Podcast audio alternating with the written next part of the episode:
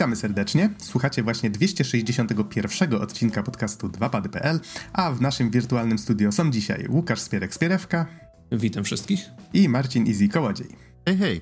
A mówi Adam 15 Dębski, nagrywamy w niedzielę 30 grudnia 2018, dosłownie na dzień przed końcem 2018, więc może od razu powiem, że tak, jak co roku będziemy nagrywać rozdanie złotych grzybków, zwanych też pociesznie halucynkami, tylko że zrobimy to na początku 2019. I właściwie to powiedziawszy, chyba możemy od razu życzyć Wam szczęśliwego 2019, bo ten odcinek na pewno się w 2018 nie zdąży pojawić. I co w nim znajdziecie? Mianowicie, tak wyszło trochę dziwnie, że takim motywem przewodnim będzie Manhattan. To znaczy, jeszcze przed świętami graliśmy w, przynajmniej część z nas grała w pierwsze Parasite Eve sprzed 20 lat. Um, właściwie po raz pierwszy, więc było to nasze pierwsze zetknięcie z grą, nowe, świeże wrażenia. Postanowiliśmy nagrać recenzję i że akcja gry dzieje się akurat w trakcie Bożego Narodzenia, to, było to był to taki fajny motywator, żeby trochę e, właśnie te recenzje w ciekawy sposób zapowiedzieć w trakcie, mm, w trakcie ostatniego tygodnia. Puszczaliśmy właśnie nazwy rozdziałów czy kolejnych dni właśnie, które się w grze e, pojawiają. Więc recenzję tej gry znajdziecie w tym odcinku. Akcja dzieje się na Manhattanie oraz akcja na Manhattanie dzieje się również w Spider-Manie, którego w sumie żeśmy niby mieliśmy mini recenzję ze Spierkiem kilka miesięcy temu, ale stwierdziliśmy, że teraz y, dosłownie przed Bożym Narodzeniem wyszło ostatnie DLC, że to jest dobry moment, żeby się jednak zebrać w trochę większym gronie, podyskutować trochę o grze i opowiedzieć przy okazji właśnie, jak wypadają te dodatki DLC. I może nim, prze, nim przejdziemy właśnie do tych głównych materiałów, to jeszcze trochę będziemy mówić o pierwszych wrażeniach i z tego co widzę, jedyną osobą, która ma jakieś pierwsze wrażenia e, w tym odcinku jesteś ty, Easy, więc powiedz, o jakich grach chciałbyś nam dzisiaj opowiedzieć? E, o grach równych, równistych, dziwnych, e, słabych. E? to znaczy, dobra, może, może inaczej. Zacznijmy może chronologicznie. Pierwsza gra, to w którą tam ostatnio cisnę i jeszcze nie skończyłem, to jest The Missing, J.J. Macfield and the Island of Memories, które wyszło 12 października tego roku na praktycznie wszystkie, wszystkie platformy, w sensie Windows, Play 4, Xbox One i Nintendo Switch. I y, to jest gra od Hidetaki Suehiro, który jest znany także w świadku growym jako Suery. I on robi dziwne gry. Y, nie wiem, czy znacie na przykład y, D4, czyli Dark Dreams Don't Die albo y, Deadly Premonition.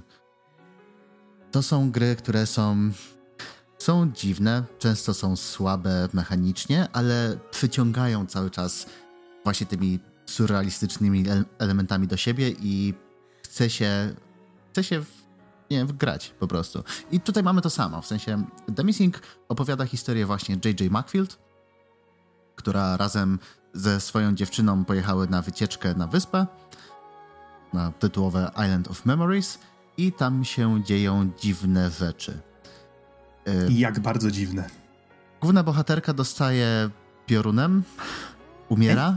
po czym e? wstaje i od tego momentu może się regenerować i na przykład wchodzimy w pułapki i wtedy urywa nam rękę albo nogę, ale dalej możemy się zregenerować. I pioruny są piękne. I to pierw, pierwsza styczność z grą, w sensie zaczyna się, dosłownie tak się praktycznie zaczyna gra, później przybiega koleś w partuchu laboratoryjnym i głową łosia i mówi o zawale serca. Okay. a to wszystko to jest puzzle platformer. w sensie... Czy e, trochę jak Limbo?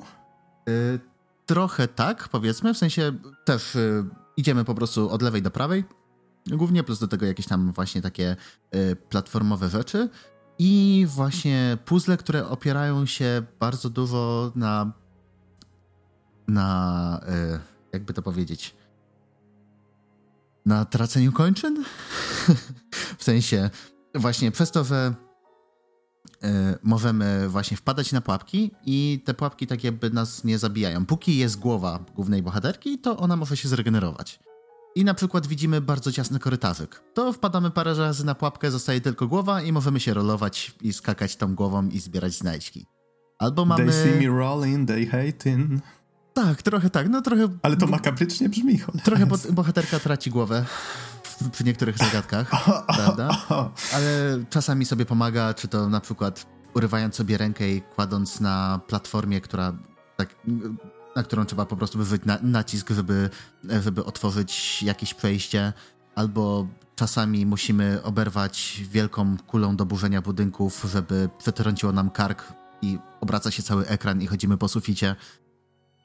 Tak jak hmm. wspominałem, jest to dziwna gra. A powiedz mi, czy y, faktycznie ta, ta brutalność i ta makabra, ona ma jakieś podszyte znaczenie? Bo domyślam się, że w przypadku gry Swearego może tak być, ale czy jest?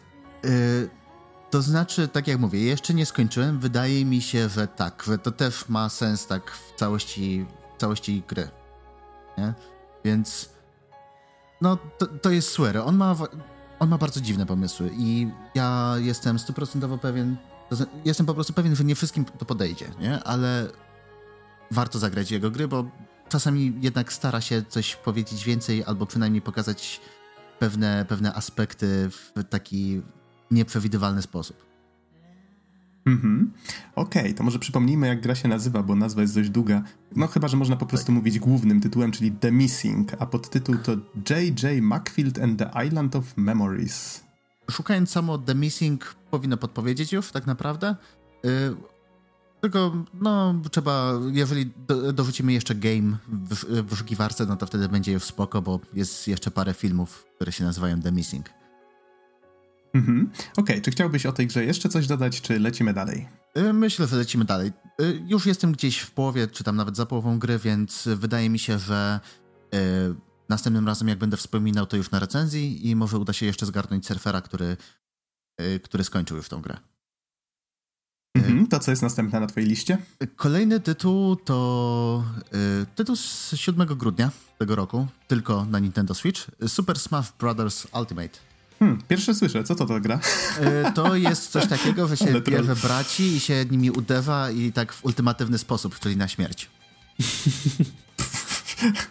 okay, głupie pytanie, głupia Ultimatywny sposób. No, ultimatywny, no. A czy są tam żółte szczury prądotwórcze? E, są, są. Są jeszcze te, są jeszcze strzelania, strzelające kałamarnice. E, niebieskie jeże. Niebieskie jeże. Nie, w ogóle powiem ci, że tam są wszyscy. Tak, to było fajne, jak na The Game Awards e, Reggie zareagował. właśnie premiera da, tego Smasha, dokładnie tego miała być tego samego dnia, czy kilka godzin później i tak mhm. nawiązał właśnie do Marvela, że a, to skoro już mówimy o największych crossoverach ever, to tutaj chciałbym się trochę nie zgodzić z ludźmi z Marvela, którzy chyba byli na scenie trochę wcześniej. Tak, właśnie no. tak jakby hasłem przewodnim nowego Super Smasha jest Everybody is here. No i jak się gra w tego nowego Smasha, powiedz? Yy, jest co? To jest, tak naprawdę to jest pierwszy Smash, w którego gram trochę więcej. I, yy, i mam, z, z, miejsca mam parę rzeczy, do których mogę się przyczepić. w sensie, to jest fajna gra, tylko po prostu ogrom informacji, który jest na ekranie jest, jest czasami przytłaczający, tym bardziej dla nowych graczy, i tym bardziej, że nie mamy jakiegoś takiego, nie mamy tu, tutoriala nawet yy, do wyboru.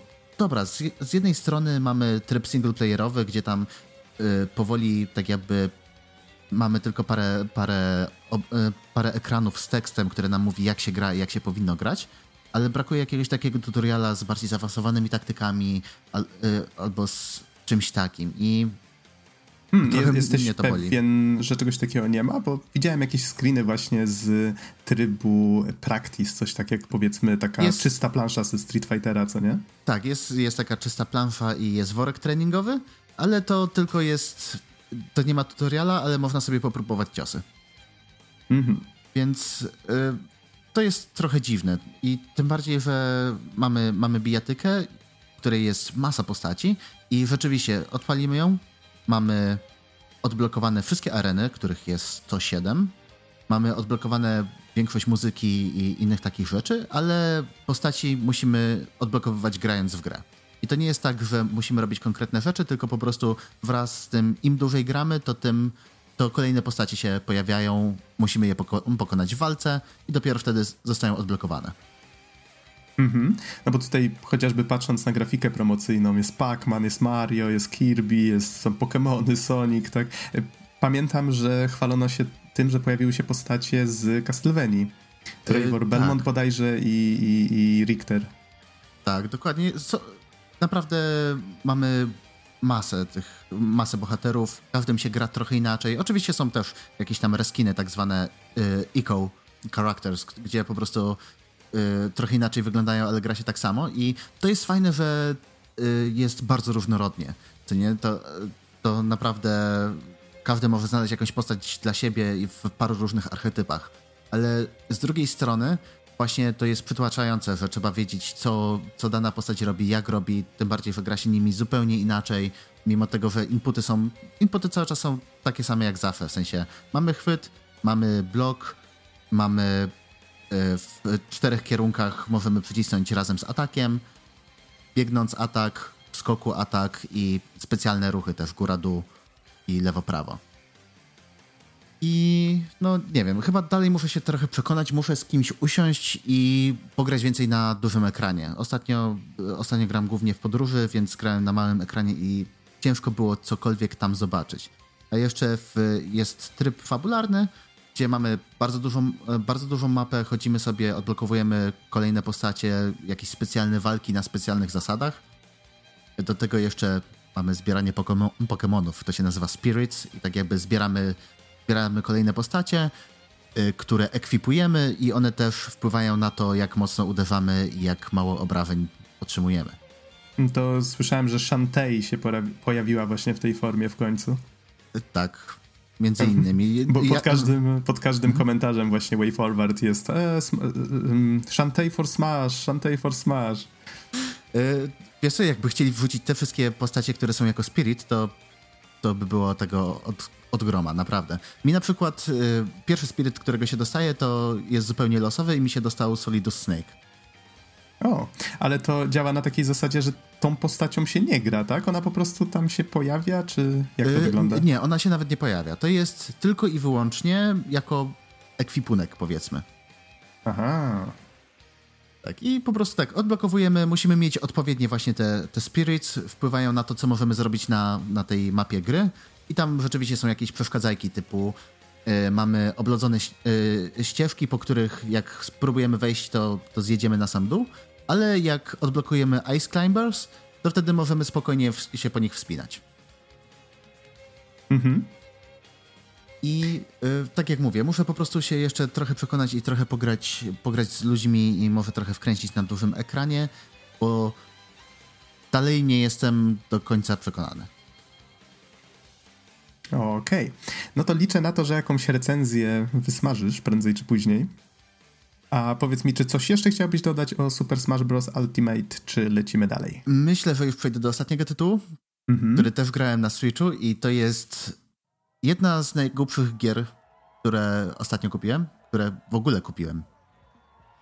Tak. No. Myślę, że to, że to będzie najlepsze określenie. Gra się nazywa Nippon Marathon i wyszła 17 grudnia y, tego roku na, na Switcha i na PC-ty. Nie wiem jeszcze na jakie platformy, szczerze mówiąc. I to na pewno, jest... Na pewno widzę, że na Steamie wyszła 17 grudnia, tak. ale... Nie, no to w tym samym czasie wyszła właśnie na, też na Switcha. Okej, okay, to zaraz poszukam platform. Mhm. No, tak czy siak, y, to jest gra, w której się ścigamy. W sensie jest, jest maraton i to jest bardzo, bardzo japoński maraton. W sensie bohaterami są na przykład antropomorficzny pies, który nazywa się Snuggle Maestro. Mamy starego dziadka w mundurku szkolnym. Mamy dziewczynę w stroju narwala.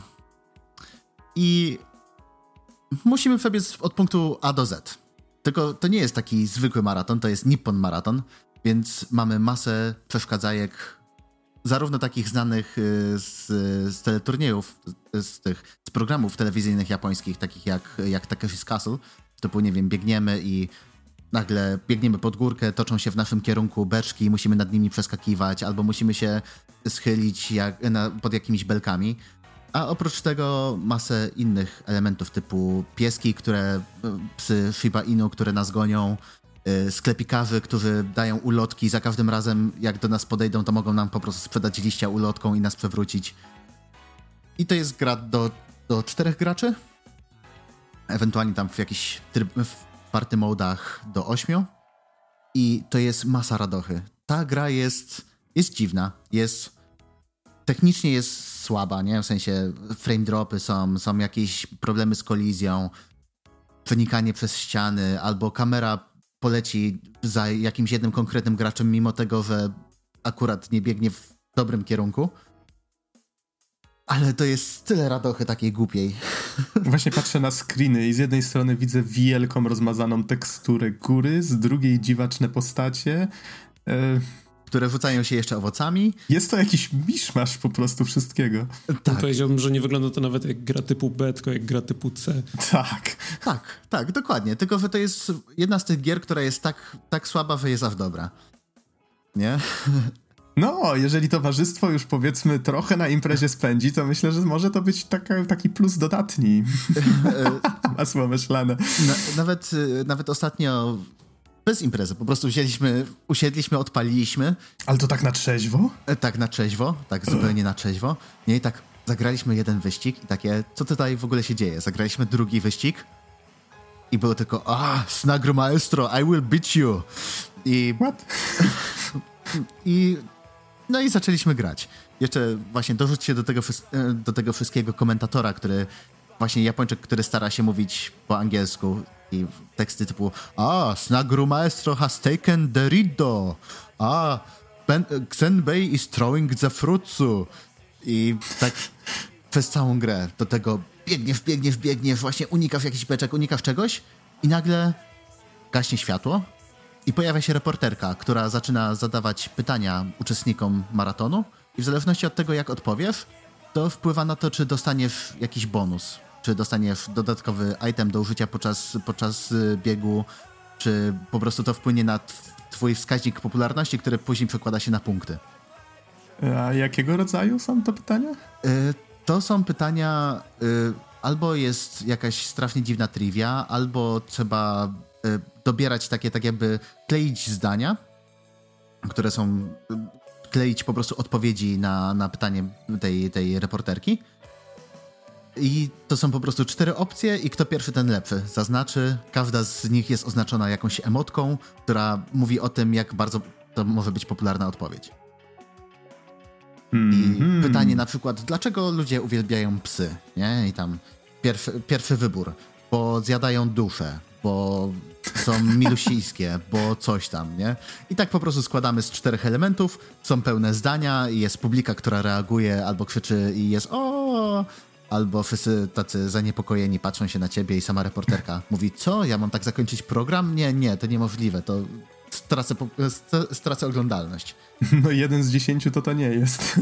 No, to, to tak jak mówię, jeżeli, jeżeli chcecie poczuć ten klimat, to wyobraźcie sobie grę, która jest jeszcze bardziej zwariowanym Takeshi's Castle, tudzież to też chyba było w Europie i w Stanach, tylko to się nazywało jakoś inaczej. Ale Takashi Castle na YouTubie. Wrzucę, wrzucimy może linka, to, to zrozumiecie o co chodzi. Mm, easy tutaj widzę jakiś ciekawy poziom tego mm, abstrakcji nam tu odsłania. Hmm. Tak, tak. Tak. nie, nie, nie mamy nic więcej do dodania. Naprawdę, to było na zasadzie, zobaczyłem trailer, stwierdziłem, że to jest mega głupie, popatrzyłem się na znajomych, i zapytałem się, czy będą grali, a nie powiedzieli. Eee... A ja powiedziałem, okej, okay, to kupuję. Kupiłem, bawiliśmy się świetnie. No okej, okay, to, to brzmi jak jakaś rekomendacja, czyli polecasz. Jeżeli ktoś Chyba? szuka czegoś zwariowanego. Tak, jeżeli ktoś lubi takie zwariowane klimaty i właśnie taką gierkę, żeby parę razy na imprezach pograć i nie, nie starać się do tego podchodzić jakoś mega kompetytywnie, albo nie oczekiwać od tego, że to jest dobrze zrobiona gra, to, to tak, to myślę, że mogę polecić. Mhm, to tutaj znalazłem informację na Giant Bomb, że Nippon Marathon wyszedł faktycznie 17 grudnia. Można zagrać w niego na Macu, PC, Xbox One, PlayStation 4, Nintendo Switch i został skategoryzowany jako gra sportowa. No, maraton. Biegniemy, sport. To zdrowie. Tak. Okej. Okay. No dobrze, to domyślam się, że to już koniec pierwszych wrażeń w tym odcinku. Skupmy się może na materiałach głównych i przypomnę, że mamy dla Was przygotowane dwie recenzje i będzie to recenzja Marvel's Spider-Man oraz staruteńkiego, ale całkiem fajnego Parasite Eve.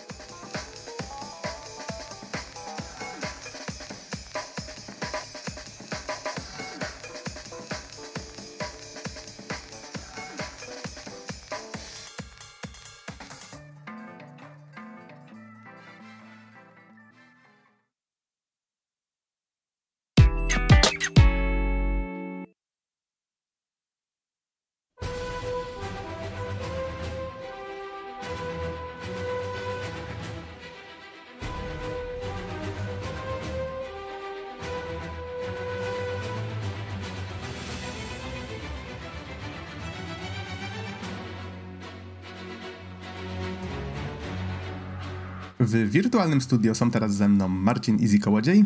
Cześć, cześć. I Łukasz Spierek-Spierewka. Witam wszystkich. A mówi Adam Noxa 15 Dębski. Nagrywamy w niedzielę 30 grudnia 2018 i będziemy teraz recenzować grę Marvel's Spider-Man, czyli tegorocznego Spidermana, o którym już właściwie mówiliśmy na podcaście ze Spierkiem. Już właściwie mówiliśmy cały kwartał temu. Yy, tak, dość dawno faktycznie. Po prostu chcieliśmy zaczekać, aż wszystkie DLC wyjdą, jak je ogramy, dopiero teraz nagrać pełne wrażenia na temat tej tak. gry. Po, powiedzmy, powiedzmy. Znaczy, prawda, prawda, jest taka, że zwlekaliśmy tak długo, że DLC Na... były już w połowie wypuszczone i wtedy pojawił się pomysł, że może już w sumie poczekajmy. Nasi słuchacze nie muszą o tym wiedzieć. To, dokładnie. To był e, plan. tak, dokład, tak, dokładnie tak. Dokładnie Najbardziej tak, profesjonalny polski podcast growy. Jap, jap. Ehm, tak. E, wracając do tematu, recenzja Spidermana. E, właściwie tyle, ty, tyle osób z redakcji podcastu grało w Spidermana, że chcieliśmy nagrać tę recenzję w jak największym gronie. No i właśnie widać, jak u nas wygląda zgadywanie się w bardzo dużym gronie. Dlatego e, nasz, rozdanie naszych złotych grzybków, halucynków lada moment. Ciekaw jestem, jak wyjdzie, bo to jest taki newralgiczny moment roku, kiedy trzeba wszystkich zebrać.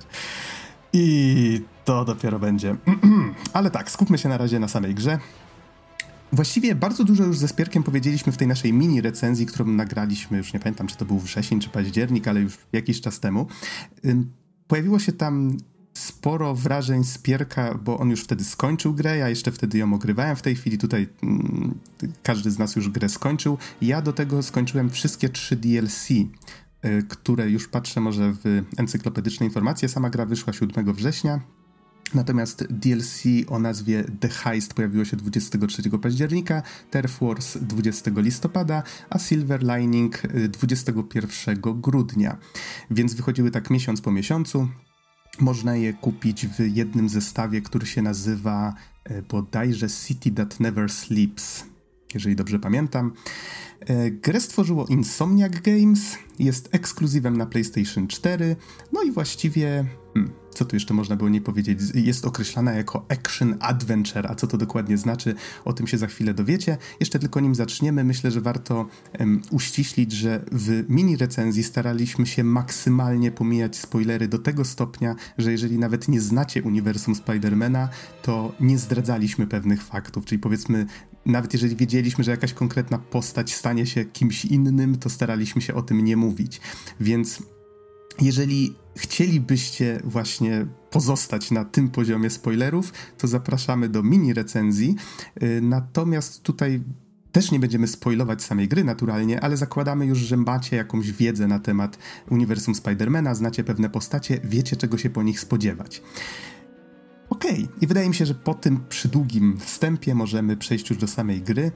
I powiedzcie mi, czy coś jeszcze chcielibyście powiedzieć na początek, czy może trochę przedstawić fabułę? Kto Wydaje mi się, że możemy lecieć dalej. Okej, okay. do kto? Spierek, Easy, kto chce o fabule yy, Dobra, to w takim razie, jako że pewnie ja się nie będę wypowiadał zbytnio o DLC-kach, bo yy, miałem plan w nie zagrać, ale rozumiecie? Miałem plan, piękny plan. Tak, to był piękny plan. Niestety, no, starałem się jak nigdy, ale wyszło jak zawsze.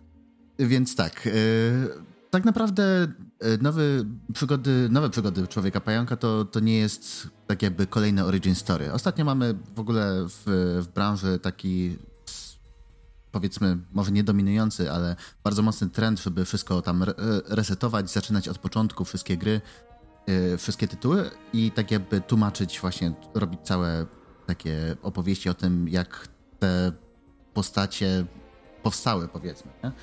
Y, tutaj y, Insomniac Games y, postanowili jednak już tak jakby osadzić akcję całej gry już w świecie, który, który jest, który istnieje, który rzeczywiście nawiązuje, korzysta z bardzo wielu elementów, które się pojawiły w komiksach, ale jednak nie stara się opowiadać całej historii od zera. I to rzeczywiście oni sami w swoich dziennikach deweloperskich mówili o tym, że to pozwoliło im po prostu trochę bardziej pokombinować właśnie z tym, co się dzieje później. I właśnie akcja najnowszej gry tak naprawdę y, dzieje się już 8 lat po tym, jak Peter Parker y, został Spider-Manem, więc już trochę podziałał, już nawet zrobił sobie w końcu porządny strój i tak dalej, i tak dalej. I pracuje z Otto Octaviusem w laboratorium, to się nazywa Octotech? To Jakoś tak, ale już nie pamiętam szczegółów. Tak, tak czy siak, po prostu pracuję razem, razem z Otto Octaviusem i, i, w sumie, i w sumie sobie jakoś, jakoś radzi. Próbuję oczywiście y, tradycyjne problemy rozwiązać, w sensie jak pogodzić superbohaterskie życie z, z, z życiem codziennym. Mhm. Tutaj zresztą ta relacja z Octaviusem została bardzo fajnie przedstawiona.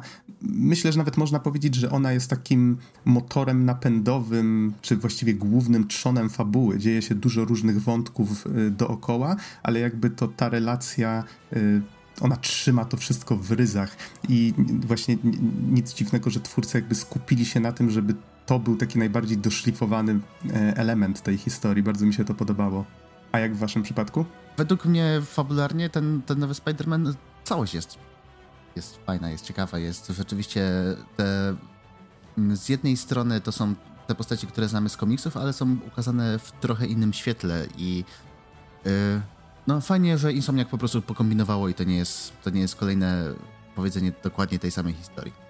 Mhm, też mi się właśnie podobało to, że cała gra faktycznie nie jest takim origin story, gdzie po raz kolejny Peter Parker zostaje ugryziony przez pająka i po raz kolejny musimy obserwować, jak wujek Ben umiera i nie wiem, odkrywać e, umiejętności od zera, tylko właśnie startujemy z takim jakby zarysowanym bohaterem, zarysowanym, e, zarysowanym stosunkiem miasta do bohatera, ale jednocześnie właśnie pokazuje te postaci w takim właśnie fajnym świetle, jak to na przykład, że poprzedni szef Petera, czyli właśnie J. Jonah Jameson, który w, tradycyjnie jakby we wszystkich e, popularno-mediowych e, wersjach Spidermana prowadzi gazetę The Daily Beagle, e, przepraszam, Daily Bugle e, i jest jakby szefem Petera, się na nim wyżywa, nie lubi Spidermana, etc., etc. Teraz już nie prowadzi gazety, bo odszedł z gazety, e, teraz prowadzi podcast i tego podcastu słuchamy, kiedy sobie latamy po mieście i on tam na przykład dzwonią do niego słuchacze i on jakby e, rozmawia z tymi słuchaczami na takiej stopie, że o, co tam niedobrego zrobił Spider-Man w mieście.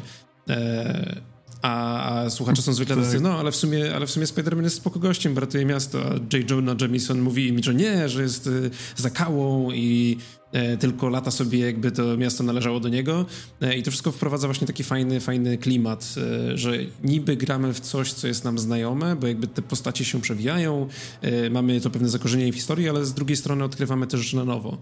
E, I wszystko to jest właśnie zakorzenione w różnych komiksach, na podstawie których Insomniac Games się inspirowało i nawet na oficjalnym blogu PlayStation istnieje taki bardzo, bardzo fajny post, gdzie zebrali takie jakby e, przykładowe tomy przygód Petera Parkera, które, w które ludzie mogliby się chcieć wczytać, jeżeli by właśnie chcieli zobaczyć podobne motywy fabularne do tych przedstawionych w grze, ale jakby w innych historiach.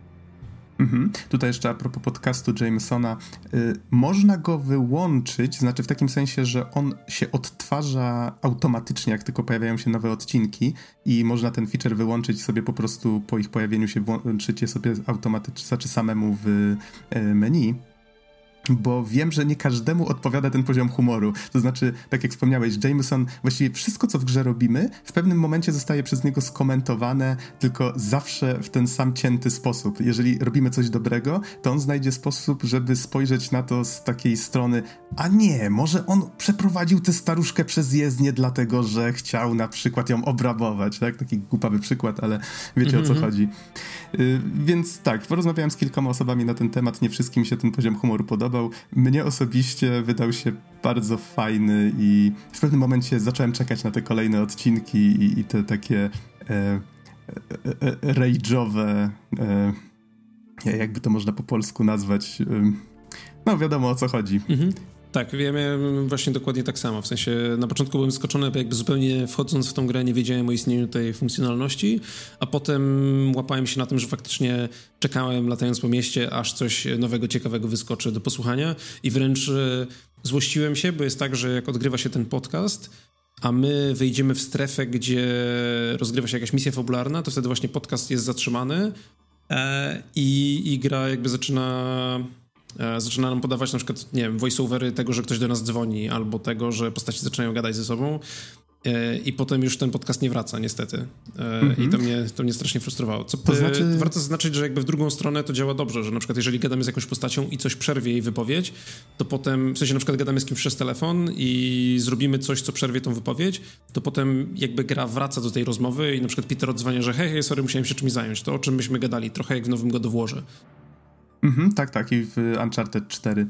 Y, faktycznie, przy czym właśnie tak jak wspomniałem wcześniej, można samemu też włączyć dowolny odcinek tego podcastu z poziomu menu. No tak, ale to już jest, to już jest wysiłek.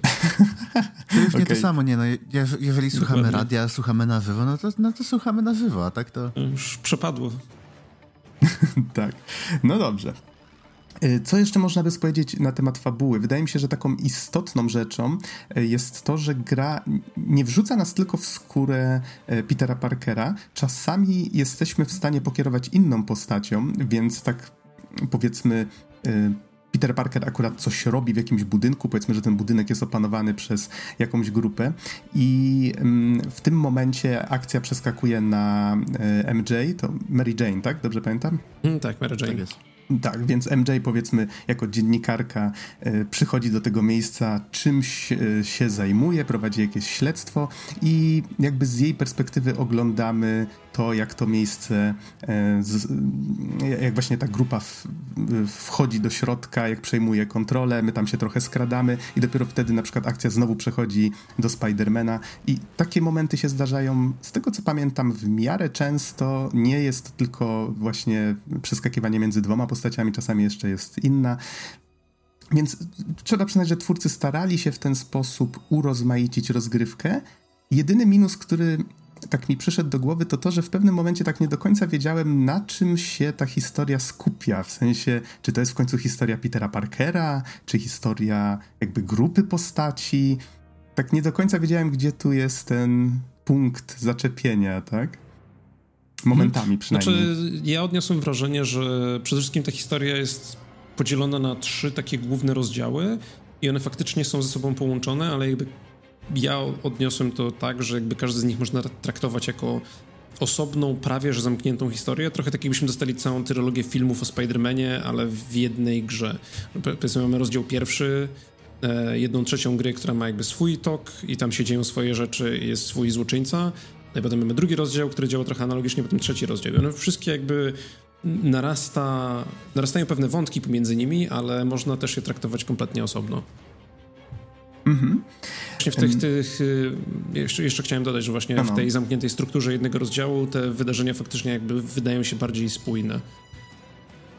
Mm, Okej. Okay. W sumie, jeżeli tak mo mogę płynnie przeskoczyć do samego DLC, DLC są skonstruowane bardzo podobnie, to znaczy y, to zaskoczyło mnie to, że każde z tych DLC właściwie tworzy rozdział jednej opowieści. Znaczy nie czytałem o tym wcześniej, więc może dlatego mnie to zaskoczyło.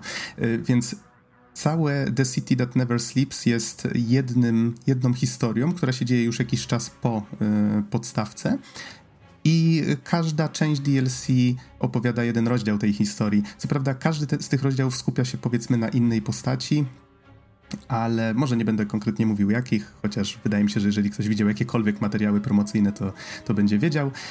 I właśnie to, to jest o tyle fajne, że możemy przechodzić sobie powiedzmy poświęcić, dajmy na to, jeden wieczór na jedno DLC. Jest to takie fajne domknięcie, napisy końcowe, fajnie, jutro przejdę sobie następny. Z drugiej strony, po przejściu wszystkich tych trzech DLC, odniosłem takie wrażenie, że kurczę, podstawka miała taki fajny finał. To wszystko było takie doszlifowane i faktycznie na samym końcu czułem, że wydarzyło się coś super. A tutaj cały czas miałem wrażenie, że to coś, ta historia, że ona zmierza do czegoś fajnego, i niestety trochę mnie rozczarował finał, to znaczy.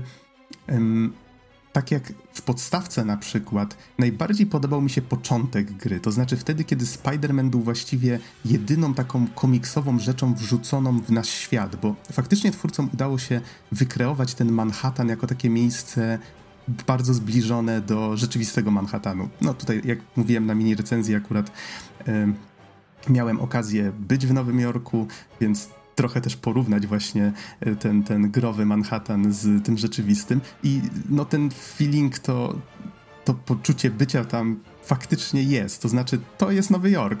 Zwiedzamy po prostu wirtualny Nowy Jork e, i póki ten Nowy Jork wydaje się taki w miarę realistyczny, nie ma tam za dużo tych takich komiksowych elementów, to, to wrażenie to, to, wtedy gra faktycznie dla mnie zyskiwała najbardziej. Potem się pojawia coraz więcej tych komiksowych rzeczy. No i niestety wydaje mi się, że jakby ostatni rozdział tego DLC, on już za bardzo poszedł w ten komiks, to znaczy...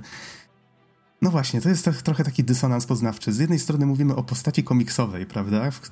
Dzieją się jej różne dziwne rzeczy w tych komiksach, a z drugiej wydaje mi się, że właśnie najfajniejsza ta gra jest wtedy, kiedy y, ten Spider-Man rozwiązuje takie bardziej życiowe problemy, a nie walczy z jakimiś właśnie dziwnymi y, rzeczami, czy no właśnie, tu nie wiem na ile dużo mogę powiedzieć, ale wiadomo o co chodzi.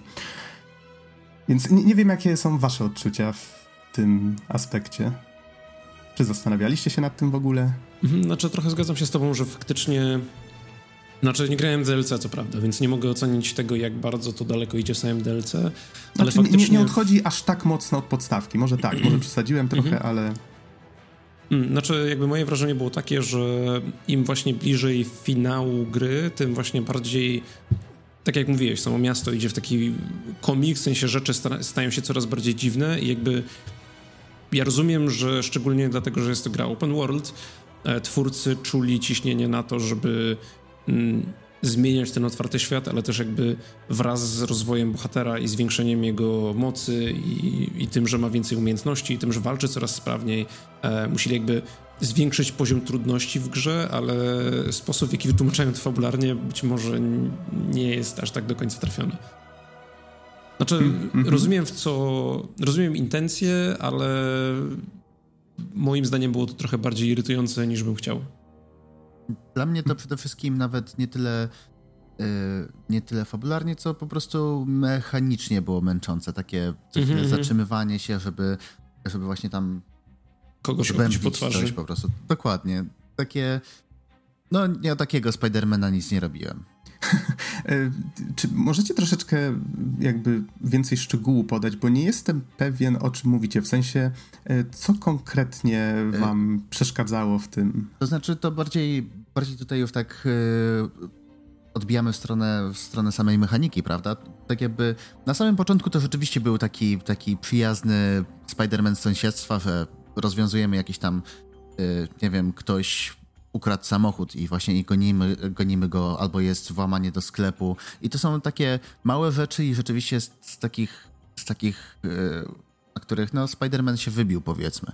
Nie? A później wraz z, ze zwiększeniem stawki fabularnie dzieją się coraz większe rzeczy, które są coraz trudniejsze, zabierają coraz więcej czasu yy, i które już nie można, yy, nie można po prostu pominąć, tak jak było na wczesnych etapach gry. I dla mnie to właśnie z jednej strony to, to, że fabularnie to tak było wytłumaczone właśnie właśnie niezbyt, niezbyt sprawnie, ale z drugiej strony, no, poruszanie się po mieście sprawiało mi masę frajdy i chyba właśnie tylko przez to tak naprawdę e, wbiłem platynę.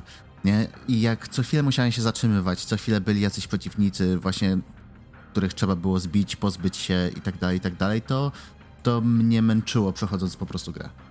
Mhm. Kompletnie się z tobą zgadzam, przy czym właśnie wydaje mi się, że i tu możemy zaraz bardzo wygodnie przejść właśnie do opisu mechaniki gry, e, ale właśnie to, jak sympatycznie po prostu lata się po tym mieście pajęczynami i, i przemieszcza się z punktu A do B, e, to jest pierwsza otwarta gra od dawna, w której pomimo istnienia systemu podróżowania szybkiego, w sensie fast travel, e, użyłem go chyba tylko wydaje mi się, że właśnie tak jak opisywałem wcześniej w mini recenzji, pięć razy, po to, żeby wbić achievement za to i nigdy więcej nie czułem potrzeby robienia tego, gdzie na przykład e, analogicznie w Red Dead Redemption 2, jak grałem, to cały czas myślałem sobie, Boże, czy tu jest w tej grze jakiś system fast travel, bo, bo bardzo chciałbym go użyć, jakby był.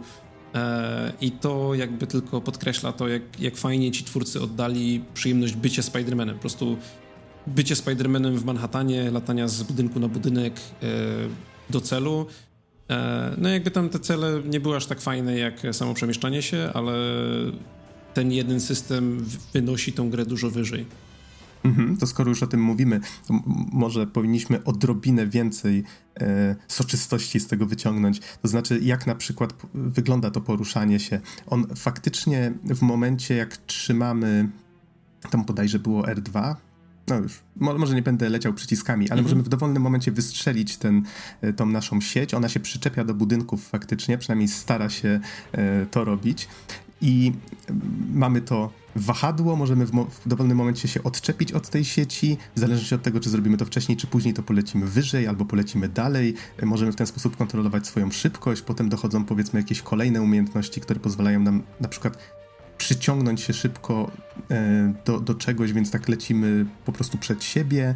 E, możemy na przykład, pojawia się taki biały celowniczek na krawędziach budynków czy innych elementów. Możemy wtedy przyciągnąć się do tego elementu i jeżeli mamy odpowiednią umiejętność, wybić się tak efektownie z niego, zachowując pęd więc wszystkie te rzeczy składając się razem, a jeszcze możemy na przykład biegnąc po, biec po e, pionowej ścianie, co wygląda dość zabawnie, ale właśnie te wszystkie rzeczy złożone razem sprawiają, że to poruszanie się jest bardzo fajne, soczyste i właściwie po tych kilkudziesięciu godzinach nadal wciąga. To znaczy, ja jak skończyłem DLC, już cała fabuła, wszystko na 100%, platynka wbita. Yy, nagle stwierdziłem, że a, to zrobię sobie jeszcze taką pożegnalną rundkę po mieście. Tak mhm. po prostu. Kompletnie cię rozumiem. U nas było podobnie, że jak już skończyliśmy grę i jeszcze wbijaliśmy, nie, czy nawet już chyba wbiliśmy platynę, to w grze dalej są jakby ukryte elementy, które można znaleźć, pewne rzeczy, które można odblokować, które nie liczą się już do platyny i dalej jakby lataliśmy po mieście i robiliśmy to tylko dlatego, że to było tak fajne. I tak właśnie jak zwróciłeś uwagę na te różne umiejętności, one fajnie łączą się też z systemem animacji gry, który jest naprawdę, naprawdę dobrze zrobiony. W sensie ciało Spidermana wygina się we wszystkie strony, kiedy wykonuje właśnie te wszystkie akcje i jest też sporo takich subtelnych animacji, które zostały dorzucone tylko po to, żeby były widowiskowe, nawet jeżeli większość graczy w ogóle ich nie zauważy, albo na przykład wpadnie na nie raz czy dwa w ciągu gry. Moim absolutnie ulubionym przykładem jest to, że właśnie tak jak wspominałeś, jest ta umiejętność, gdzie możemy przyciągnąć się do takiego białego celowniczka, gdzie Spider-Man po prostu jakby wystrzeliwuje przed siebie e, sieci, następnie przyciąga się do nich, e, przelatując przez jakiś obiekt, i w całym mieście, w niektórych miejscach są pozostawiane e, wieże wodne, takie po prostu jakby wieże na, na budynkach, e, w których, e, znaczy takie zbiorniki z wodą na budynkach i po, pod nimi jest taka jakby, takie rusztowanie. Jeżeli będziemy lecieć z odpowiednią prędkością w odpowiednim miejscu, to może nam się właśnie pojawić biały celowniczek centralnie w środku tego rusztowania i kiedy wtedy wystrzelimy, to Spider-Man właśnie łapie za obydwa, obydwa elementy tego rusztowania, po czym przyciąga się w kierunku, w kierunku niego, przelatując pomiędzy przęsłami, jego całe ciało się tak wygina, żeby właśnie jakby nie trafić w to rusztowanie e, i kamera przelatuje zaraz za nim. Jest to mega, mega efektowne. Tym bardziej, że my jako gracz mamy kontrolę nad tym, że to robimy. W sensie, gdyby to było na przykład QTE albo część jakiejś cutscenki, no to powiedziałbym, okej, okay, spoko. Ale tutaj jest to bardzo, bardzo ładnie wplecione w samą rozgrywkę. I mhm, właśnie tak, tutaj samo to, yy, wybacz, wciąłem się w słowo, nie? Ale... nie, spoko, to ja próbowałem tak wlecieć jak Spider-Man w tę wieżę ciśnień. Yy, właśnie... Yy, właśnie to jest bardzo fajne... to jest to słowo, którego szukam. Yy, właśnie yy, cały Spider-Man tak naprawdę, zarówno, zarówno poruszanie się, jak i, jak i yy, system walki, właśnie polega na tym, że musimy bardzo dużo rzeczy robić świadomie. W sensie one wyglądają bardzo dobrze i rzeczywiście gra nam umożliwia być jak Spider-Man. Tylko to też nie, musimy bardzo dużo rzeczy świadomie robić. Tutaj właśnie wieża ciśnienia, to musimy nacelować mniej więcej i rzeczywiście przylecieć tamtędy. I wtedy dopiero to się stanie. Do tego tam później odblokowujemy umiejętność, gdzie możemy się przeciągnąć do jakiegoś punktu i jeżeli w odpowiednim momencie przyciśniemy znowu skok, to wtedy będziemy mieli wzmocniony skok i polecimy, polecimy dalej i szybciej. I właśnie y, tak jakby ten zamysł, y, ten, ten zamysł przenosi się też na walkę, gdzie walka z jednej strony jest taka dosyć, dosyć Batmanowa, w sensie tak jak w tej serii Arkham. Nawet, Powiedziałbym nawet, bardzo... że tak, że wzięta taki prawie, że jeden do jeden. Tak, to znaczy z jednej strony tak, ale o co mi chodzi? O to, że w Batmanie to tak jakby nie mieliśmy tej progresji i ta walka była dużo prostsza. W sensie rzeczywiście nie przejmowaliśmy się tylko o kwadrat, trójkąt, kwadrat, kwadrat, kwadrat, trójkąt, kwadrat. Nie? I Batman sam latał od, od przeciwnika do drugiego przeciwnika i jakieś kombosy i tak dalej, i tak dalej. Oczywiście w Spider-Manie to też potrafi tak wyglądać, tylko musimy się bardziej przejmować tym, kiedy jakie umiejętności z, y, użyjemy, kiedy przeskoczymy nad przeciwnikiem albo pod przeciwnikiem. Y, musimy też się martwić bardziej o zasięg, bo to nie ma takiego pełnego snapa jak w Batmanie, że Batman przebiegnie 40 metrów sprintem i uderzy przeciwnika w twarz, a potem wróci znowu do tego pierwszego, który jeszcze nie upadł i w zupełnie automatyczny sposób, tylko tutaj przyciśniemy kwadrat w stronę przeciwnika, który jest za plecami, tylko jest trochę za daleko, no to będziemy tu powietrze i Wiesz narażamy co? się na ciosy. Z jednej strony domyślam się o co ci chodzi, ale przyznam szczerze, nie grałem w, Batman, w serię Arkham na tyle długo już, że nie jestem w stanie ani potwierdzić, ani zaprzeczyć temu, co mówisz, bo wszystko, co opisujesz, wydaje mi się, że dokładnie pokrywa się z tym, jak się grało właśnie w serię Arkham. Chyba tylko, i tu też nie jestem pewien, różnica w Spider-Manie jest taka, że faktycznie wszystkie tego umiejętności zostały tutaj idealnie wykorzystane, bo więcej czasu możemy spędzać w powietrzu. Możemy oczywiście trzymać się ziemi, walczyć z tymi przeciwnikami, zrobić na przykład wślizg komuś pod nogami, coś czego Batman nie był w stanie zrobić, bo yy, co prawda Bruce Wayne on był takim chodzącym czołgiem i nagle jak zaczynała się walka, to zamieniał się w balerinę. A tutaj jakby Peter Parker idealnie pasuje do tego. Czyli on jest super zwinny, faktycznie to widać i w walce, i w poruszaniu się między walkami. Tak samo jak w Arkham mamy tutaj skradanie się, czyli możemy siedząc powiedzmy gdzieś na belkach pod sufitem czekać na odpowiedni moment, wciągnąć kogoś na górę. Batman robił dokładnie to samo, tylko że Spider-Man od razu kogoś ciup, ciup, ciup, ciup, sieciami zalepia i go tam zostawia. Um, więc to wszystko jest, to są wszystko elementy wspólne, że możemy na początku, przed rozpoczęciem się mm, jakiejś takiej większej rozpierduchy najpierw wszystkich cichaczem wykończyć, ale jakby jedyna taka największa różnica właśnie, którą wyczułem, to to, że y, Spider-Man idealnie pasuje do, do tego, jak szybka ta walka jest i to, że faktycznie dużo momentów możemy spędzać po prostu w powietrzu, czy to się bujając na sieci i kogoś kopniakiem zdejmując, czy wybijając kogoś w powietrze, czy nawet jak już jesteśmy w powietrzu, możemy kogoś przyciągnąć siecią do siebie, więc tak, jeżeli tylko chcemy to możemy to robić, robić jakieś szybkie uniki przy okazji, e, żeby unikać e, pocisków rakietowych, czy, czy jakichś tam e, innych rzeczy, przed którymi nas ostrzega oczywiście nasz e, zmysł pajęczy, czy jak to się tam po polsku nazywało. Mhm. Tak, właśnie mm. wydaje mi się, że po prostu Spider-Man dobudowuje do tych arkhamowych mechanik jeszcze kolejne po prostu warstwy i no, tak jak zauważyłeś, i postać Spidermana dużo bardziej do takich ruchów pasuje, ale do tego wydaje mi się, że też po prostu ten, cały ten system został, został po prostu na tyle rozwinięty i na tyle wymaga od nas y, większej ilości świadomych decyzji, że po prostu grało mi się zdecydowanie przyjemniej niż, niż w Batmany. W sensie w tym aspekcie walk. Mhm. To tutaj wrócę może do tego, o czym mówiliście wcześniej, że trochę was męczyło właśnie to, że trzeba było się zatrzymać, że już nie można było latać po mieście. To może, żeby obronić trochę ten koncept, powiem, że mnie podobało się to, jak twórcy zblendowali, zmieszali ze sobą e, te rzeczy, w jakich proporcjach przede wszystkim, bo ciągle coś się tutaj dzieje. Jeżeli skończy się powiedzmy jakaś scenka fabularna, jesteśmy wypuszczani na miasto, lada moment ktoś do nas zadzwoni, powie hej Peter, coś tam, coś tam. E, powiedzmy, że przy okazji zaobserwujemy, że gdzieś się dzieje jakieś przestępstwo. Mamy tutaj generator przestępstw, który jakąś konkretną liczbę przestępstw e, w danej dzielnicy e, tworzy i jest tam ich, ich, kilka rodzajów, czy to właśnie zatrzymanie samochodu, czy obrona właśnie sklepu, tak jak wspomnieliście wcześniej. Więc powiedzmy, że możemy się tym zająć, ale możemy to zignorować. Gdzieś tam coś jeszcze innego się dzieje. Wiemy dokładnie, albo musimy poczekać chwilę, aż to się pojawi, bo to nie, nie zawsze jest tak oczywiste od razu, gdzie jest zadanie główne, ale nim do niego dotrzemy, tysiąc innych rzeczy będzie walczyło o naszą uwagę. Więc non-stop coś się w tej grze dzieje i oprócz tego, że mamy właśnie tą metagrę, która polega właśnie na poruszaniu się między tymi budynkami i a, a teraz przelecę sobie tutaj, a teraz spróbuję zrobić taką sztuczkę, takie narzucanie sobie własnych mini wyzwań w trakcie tego podróżowania, to mamy tutaj jeszcze właśnie i te momenty, kiedy możemy sobie powalczyć, te momenty, kiedy możemy sobie się na przykład poskradać, zrobić jakieś inne rzeczy. I właśnie ta misja główna, która nas nakarmi jakimiś pięknymi cutscenami doszlifowanymi do, do perfekcji, czasem nam zmieni postać, którą możemy pokierować. No, no po prostu non-stop coś się w tej grze dzieje. Uhu, wszystkich zatkało. Tak, aż za, znaczy zastanawiałem się dokąd pójść dalej po tym, ale...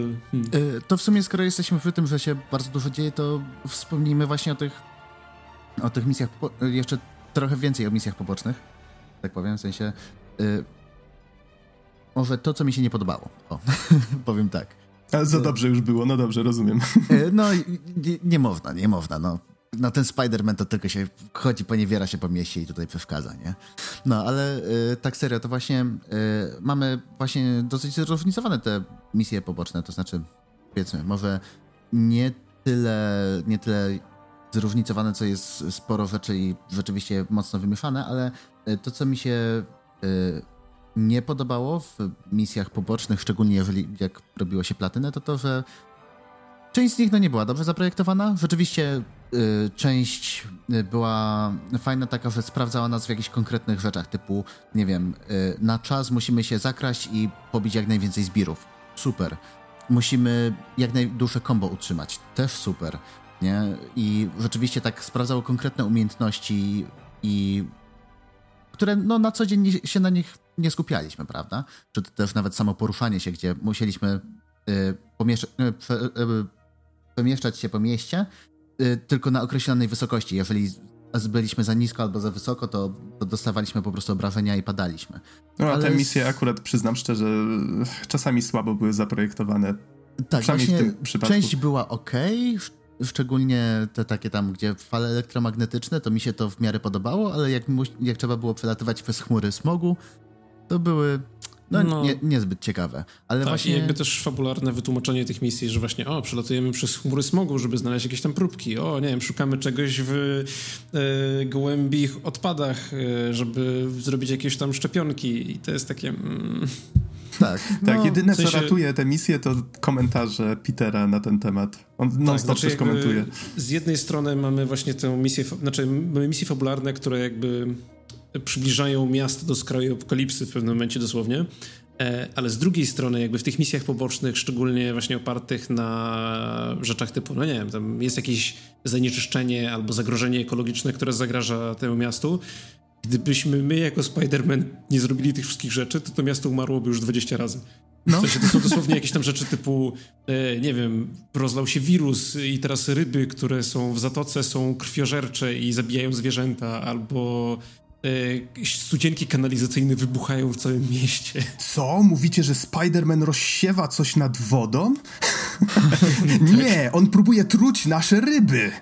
No. Tak, ale to był akurat bardzo fajny, fajny element tych wszystkich misji pobocznych, że rzeczywiście cały czas James Jonah Jameson starał się przyczepić do, do wszystkiego, co robiliśmy, nie? Ale właśnie y, cały czas mamy takie, ta, takie skrajności, nie? Z jednej strony niby misja poboczna, z drugiej strony rzeczywiście, no ludzie mogą umrzeć i rzeczywiście zdążyliśmy w ostatnim momencie, nie? Już prawie pół Manhattanu eksplodowało, ale udało nam się, powstrzymaliśmy to. A to wszystko w misji pobocznej. Plus do tego y, też, jeżeli chodzi o taki nierówny poziom y, zadań pobocznych, to y, jeden z typów tych zadań to było oczyszczanie baz przeciwnika, nie? gdzie po prostu musieliśmy pójść w konkretne miejsce i wyeliminować wszystkich przeciwników. No to myślimy sobie, jesteśmy Spider-Manem, możemy się gdzieś tam wspinać po rusztowaniach, ściągnę wszystkich przeciwników po cichu. I dobra, ściągamy jeden, drugi, trzeci, piąty, dziesiąty i jest ostatni. Dobra, ostatniego ściągnęliśmy, a tu nagle alarm. To była pierwsza fala, jeszcze trzy i wybiega 40 chłopa i wszyscy od razu wiedzą, gdzie jesteś i strzelają do ciebie. tak, a Peter Parker tylko mówi, no dobra, przyznajcie się, wszyscy czekaliście tylko w tym drugim pokoju, aż skończę tutaj z tymi. no i to też było takie tak trochę no, nie wiem, nie, nie pasowało mi po prostu, szczerze mówiąc. Mhm. Ale wiele tych momentów, o których mówisz, one faktycznie są poboczne, więc okej, okay, jeżeli komuś nie będzie to pasowało, może to pominąć. Nawet mm, w przypadku surfera, którego mm, no, planowaliśmy z surferem nagrywać, bo on akurat nie był zbytnio tą grą zadowolony. Myśleliśmy, że właśnie doda trochę takiego negatywnego, Jamesonowego elementu do, do tej recenzji. Niestety nie mógł z nami teraz nagrywać. Um, w jego przypadku było tak, że to ja go zmotywowałem do tego, żeby tę grę skończyć i próbowaliśmy ją przejść tak ignorując wszystko inne, żeby po prostu skupić się na tej głównej ścieżce. I faktycznie można wtedy grę skończyć dużo szybciej, ale to pokazało mi między innymi, jak właśnie te, te elementy są fajnie rozstawione, że non-stop ta gra stara się zwrócić naszą uwagę czymś. Um, Okej, okay, ale, ale tak, zgodzę się z wami pod tym względem, że faktycznie nie wszystkie misje poboczne są zaprojektowane tak dobrze jak wątek główny. Właściwie chyba większość z nich nie jest zaprojektowana na tym samym dobrym, wysokim poziomie. E, część z nich wręcz fabularnie jest taka. Ugh, w sensie widać, że to pisały inne osoby, albo potraktowano to po macoszemu, i te dialogi, które tam czasem tym misjom pobocznym towarzyszą, są tak odstające od, od wysokiego poziomu wątku głównego, że aż trochę to boli. Ale okej, okay, zostawmy już to. Przejdźmy może do oprawy i zacznę od takiego dość nietypowego Czekaj, tematu. Chyba jeszcze nie wspomnieliśmy. O, tak. No. A, widzisz, widzisz. Zmierzałem, A, zmierzałem do tego, bo wiem, że to jest dość ważne, bo tych strojów, które, które możemy sobie tutaj e, dobierać, jest bardzo, bardzo dużo i wydaje mi się, że one są takim ukłonem w stronę fanów przede wszystkim, bo one fabularnie jakby postacie nie reagują na to, że mamy inny strój, czy jakiś dziwaczny strój wręcz, ale to chyba wszystko jest po to, żeby nawiązać do masy różnych historyjek, których w większości nawet nie znam. Y, po prostu to jest tak jakby y, z całego tego multiversum Spider-Manowego są zebrane najróżniejsze stroje, które po prostu dają nam różne umiejętności. I w sumie to nie wiem, czy jest co więcej tłumaczyć. O, inaczej, jeszcze y, po prostu z tych wszystkich sidequestów, które, które robimy, zbieramy tokeny, które możemy właśnie wymieniać na, na, te, na te stroje lub ulepszenia. Tak, tutaj jest dużo więcej rzeczy, o których nie wspomnieliśmy, więc może tak tylko skrótowo wspomnę, że y, możemy wykupować umiejętności, za różne rodzaje zadań mamy różne tokeny, za które możemy ulepszać sprzęt, który mamy. Y, każdy strój, do każdego stroja, przynajmniej do większości z nich są przypisane jakieś tam umiejętności specjalne, które możemy aktywować po jakimś czasie i tak dalej i tym podobne. Jest tego sporo. Yy, przyznam szczerze, że w, grając w DLC wręcz o tym zapomniałem, bo moja postać była już wymaksowana jak zacząłem. To może dodam tylko, że nawet mimo to DLC wydały mi się trudne. To znaczy, grałem na normalnym poziomie trudności i ostatnie DLC już czasami potrafiło być frustrujące wręcz, y, więc mm, jak ktoś lubi, to może sobie zwiększyć poziom trudności i wtedy gra potrafi być, no, dość, dość trudna. E, I dodano w, mm, jeszcze od czasu premiery New Game Plus. Więc jak tylko komuś się gra bardzo spodoba, to może spędzić z nią dość sporo czasu. Ale mieliśmy o oprawie, więc wróćmy może do tego. E, powiedzcie, co na temat grafiki, na temat muzyki chcielibyście jeszcze dodać? E, to mm.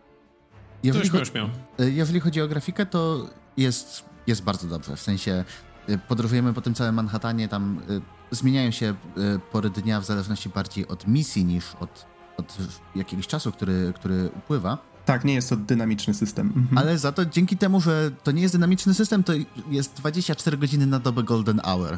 Nie, więc. Ach, tak. więc to Ale to, to jest najpiękniejsza pora, to, to prawda. Tak, dokładnie. I to, to wygląda po prostu świetnie. Wygląda fantastycznie, jak bujamy się między budynkami, gdzieś tam widzimy zachodzące słońce, które, które, które świeci między wieżowcami. I widoki są, są fenomenalne. To w ogóle to, masę takich fajnych pomysłów i optymalizacji tutaj Insomniac wprowadziło, tak żeby to miasto wyglądało jak najlepiej. Nawet e, to, co było zawsze problemem w takich grach open worldowych, e, refleksje, w sensie odbicia e, w, w budynkach, co nie, jak to wygląda, jak wyglądają okna w wieżowcach, prawda? Insomniac zrobiło coś takiego, że po prostu napisali odpowiednie shadery inaczej. To tak naprawdę, wspinając się po, po budynku, widzimy wewnątrz, jak wyglądają pokoje wewnątrz. I jak przelatujemy gdzieś obok budynku, to, y, to wtedy, jak się nie przypatrujemy temu, to wygląda świetnie, bo wow, nie? Tutaj widzimy, że to jest 3D pomieszczenie. A przecież tych budynków dookoła jest masa i wszędzie widzimy, że coś takiego jest. A tak naprawdę to jest bardzo sprytna sztuczka, gdzie, gdzie tak naprawdę to wszystko tam jest 2D, tylko odpowiednio liczone i jak się przyjrzymy, to wtedy widzimy, że to rzeczywiście jest takie oszukane. W sensie, jesteśmy na samym rogu budynku, patrzymy do środka, a tam drzwi w miejscu okna, które jest za winklem. Tak, to jest coś, jak się zaczniesz przyglądać, to faktycznie to zauważysz. Tak samo takie odbicia całego miasta, czyli mamy na przykład wieżowiec, stoimy na innym budynku i widzimy, że to, co się odbija w tym wieżowcu, jak się tak zaczniemy przyglądać, to no, to, to nie jest to samo, tak? Że to odbicie nie, nie przedstawia tego, co jest dookoła, ale to jest coś, do czego już żeśmy przywykli e, w innych grach. Wydaje mi się, że właśnie dużo takich drobnych, technicznych rzeczy, które jeżeli po prostu lecimy przez to miasto, nigdy tego nie zauważymy. Ale jeżeli się zatrzymamy i zastanowimy, to faktycznie da się te rzeczy wyłapać. Myślę, że to jest pierwsza rzecz, którą za te kilka lat jak sobie przypomnimy, jak żeśmy tę oprawę chwalili, że to było takie zajebiste, to to będzie pierwsza rzecz, jaką za kilka lat faktycznie, jak już wejdą nowsze technologie i to zacznie być w inny sposób robione, że, że sobie przypomnimy, że hej, ten Spider-Man faktycznie dało się go zrobić dużo lepiej, tak? Ale dzisiaj, na, na chwilę dzisiejszą, na konsoli przede wszystkim robi to fenomenalne wrażenie. Hmm, znaczy, no moim zdaniem największy sukces właśnie wizualny tej gry jest taki, że ta gra po prostu mega dobrze wygląda w ruchu. Kiedy, tak jak mówicie, staniemy w miejscu się przypatrzymy, to rzeczy widać, ale kiedy po prostu lecimy przez miasto jak strzała, to wszystko wygląda świetnie. Mhm, tak, tak. Czasami się zdarza, że powiedzmy jakieś tam elementy się pojawią czy znikną. Czasem się zdarza, że misja y, jakaś tam poboczna się kończy, zatrzymujemy jakiś samochód i nagle dwa samochody gdzieś obok nas po prostu pyk, wyparują.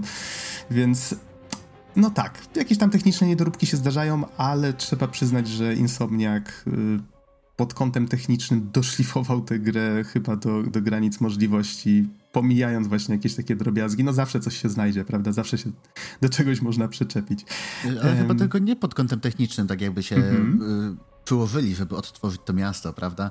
Y, chyba w dzień premiery czy coś widziałem fajne zdjęcie na Reddicie, gdzie Y, to znaczy zdjęcie, filmik, gdzie koleś odpala grę i tam rzeczywiście pierwsza scena jest taka, że Peter Parker się zbiera w pokoju, ubiera się w strój, wyskakuje przez okno i leci. I już zaczyna się gra. Od razu już jesteśmy wrzuceni, powiedzmy, na głęboką wodę. I koleś właśnie tak pauzuje w pewnym momencie, robi tylko hmm, podchodzi do okna i dokładnie jeden do jednego ten sam widok.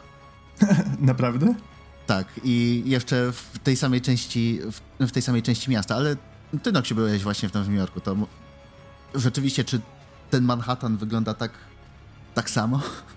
Yy, trochę już mówiłem o tym na mini recenzji, więc może, może ujmę to tak. Faktycznie duch Manhattanu został oddany świetnie i pamiętam, że jak po raz pierwszy odpaliliśmy grę u surfera, to pierwsze co zrobiłem, to tylko latałem po mieście, nie robiąc kompletnie niczego innego i oprowadzałem wszystkich w pokoju po tym Manhattanie, mówiąc: O, o, o, tak, pamiętam, tutaj jest Grand Central Terminal, y, tam wysi wysiadaliśmy z pociągu, tak? O, a tutaj jak się pójdzie w tę stronę, i, i tak szedłem na czuja, i faktycznie udawało mi się znajdować miejsca, które pamiętałem, ale widać było, że powiedzmy gdzieś tam był krótszy dystans, albo coś było lekko przesunięte, ale z reguły idąc właśnie tak z zmysłem orientacji, czasami posiłkując się mapą, udawało mi się znajdować te najważniejsze miejsca. Mm, faktycznie to miasto nie jest oddane jeden do jednego. No, ono się różni, ale starano się te landmarki, te, te miejsca charakterystyczne gdzieś tam zostawić. No jest Chrysler, Chrysler Building, jest Times Square, jest, zresztą na Times Square trafiamy już na samym początku gry, e, jest Central Park, no tego oczywiście zabraknąć nie mogło. E, jest jeszcze Trump Tower, znaczy Fisk Tower.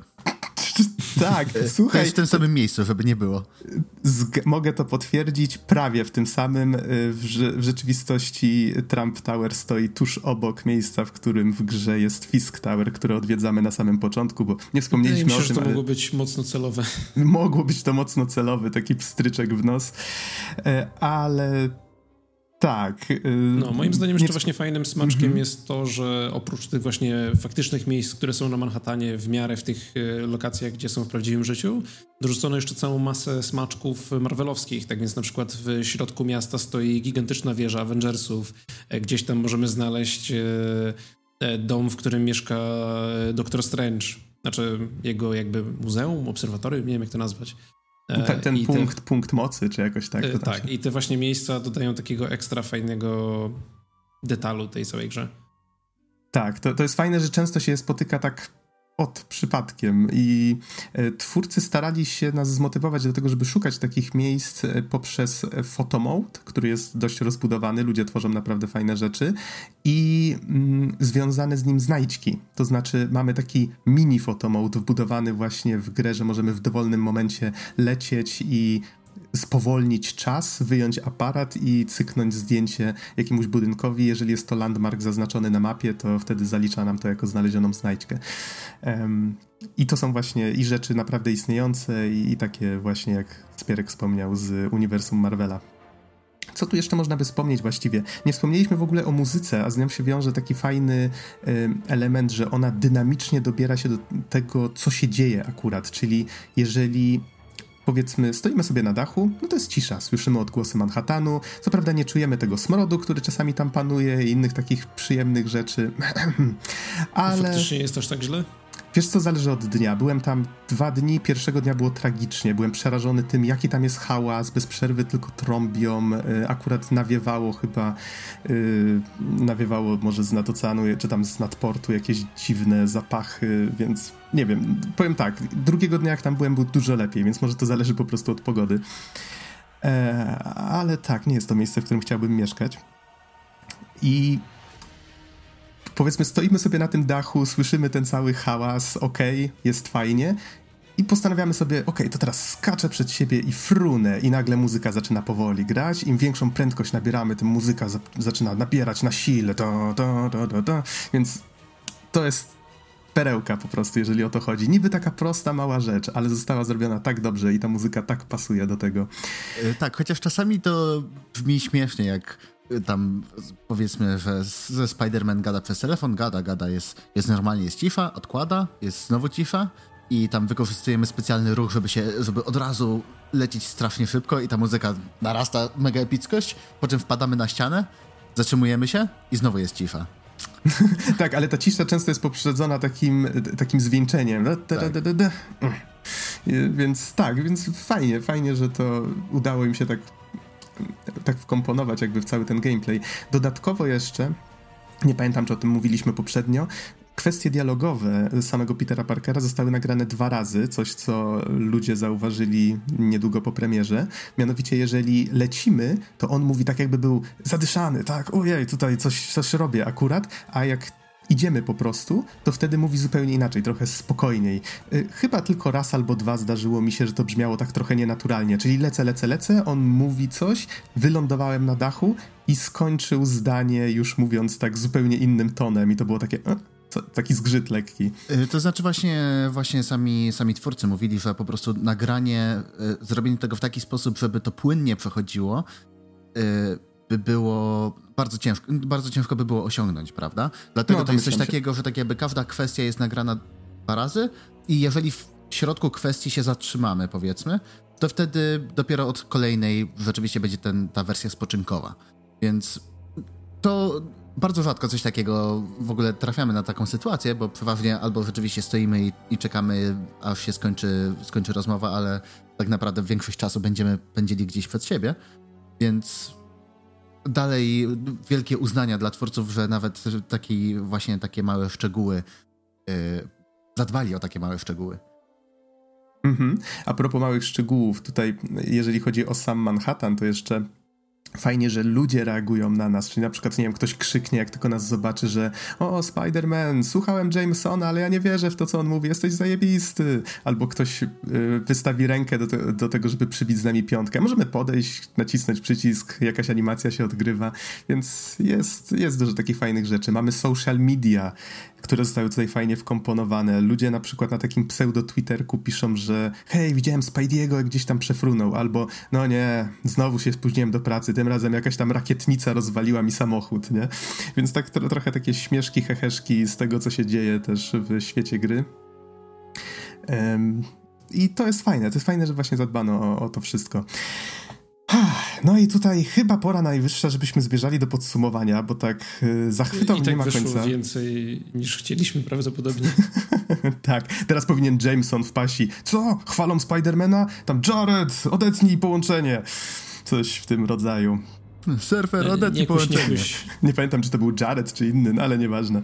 Ma, ma tam swojego jakiegoś pomagiera. He, no właśnie, to powiedzcie mi może, ile zajęło wam przejście gry, jeżeli pamiętacie? Mi splatynowanie całej gry zajęło około 30 godzin. To były mniej więcej 3 dni grania praktycznie non-stop i takiego od rana do wieczora. Crazy. No, ale wydaje mi się, że gra da się spokojnie skończyć tak powiedzmy 20 i zobaczyć większe rzeczy, które ma do zaoferowania. Jakby te pozostałe 10 godzin to było takie faktycznie dokończanie misji pobocznych, które mi tam gdzieś tam zostały, yy, szukanie tych specjalnych yy, znajdziek, które też nie są wymagane do splatynowania gry. Mhm, wydaje mi się, że jeżeli tak patrząc po tym właśnie jak z surferem, tam z jedną trzecią gry przynajmniej, żeśmy przeszli, da się ją przejść. Myślę, że może nawet dałoby się zmieścić poniżej 10 godzin, ale tutaj mm, tak strzelam trochę. Jeżeli ktoś by tylko i wyłącznie na zadaniach głównych się skupił. No, mi podobnie zajęło chyba. Szczerze mówiąc, nie mam, nie mam pojęcia, nie sprawdzałem, nie sprawdzałem save'ów. Mhm. Jeżeli chodzi o DLC, to każde z nich zajęło mi, tutaj też starałem się na 100% wszystkie przechodzić, tak od 3 do 4 godzin, więc myślę, że przynajmniej 10 godzin spędziłem ze wszystkimi DLC, więc e, jest to dość porządna paczka, muszę przyznać. Domyślam się, że jakbym się skupił tylko na zadaniach głównych, to może dałoby się je wszystkie skończyć tam w kilka godzinek, w miarę szybko ale i tak zaskoczyłem się, ile tam jest kontentu, więc jeżeli ktoś się zastanawia nad kupnem, no to są tam i cutscenki zrobione na tym samym poziomie, co właśnie w wątku głównym. Trochę byłem właśnie rozczarowany tym bardzo komiksowym zakończeniem, no ale powiedzmy, że to jakby taka dodatkowa historyjka, tak, która się dzieje w tym samym świecie, w tym samym Manhattanie. E, byłem bardzo zadowolony i z tego, co, co tam jest i jakie aktywności wyrzucili, dodatkowe i główne, więc po prostu jest więcej tego samego dobra w, w tym DLC. Jest zdecydowanie warte swojej ceny. E, tylko zastanawiam się, co twórcy dalej z tym zrobią, bo kurczę, zrobili tak dobrą grę ze Spider-Manem, e, który właściwie jest postacią tak przyczepioną mocno do tego Manhattanu, chyba że się mylę. Nie znam aż tak dokładnie tych wszystkich komiksowych historii. I no właśnie, myślicie, że jest jakaś szansa na to, żeby drugą część gry na przykład nie umieścić na Manhattanie? Co z tą grą zrobić w ogóle? Yy, znaczy, wiesz co, tak patrząc na wszystkie komiksy, które, które właśnie wyszły ze Spider-Manem, to jest masa możliwości. Naprawdę masa. Okej, okay. to uwierzę na słowo, ale to mnie najbardziej martwi właśnie, że ja już grając w DLC czułem trochę, że no okej, okay, fajnie, to lubię to miasto, lubię po nim latać, ale jeżeli wyszłaby druga gra równie duża i umiejscowiona w tym samym mieście, no to nie jestem pewien, czy, czy to byłoby aż tak atrakcyjne. W sequelu okazuje się, że pod Manhattanem są gigantyczne kanały, w których możemy też latać.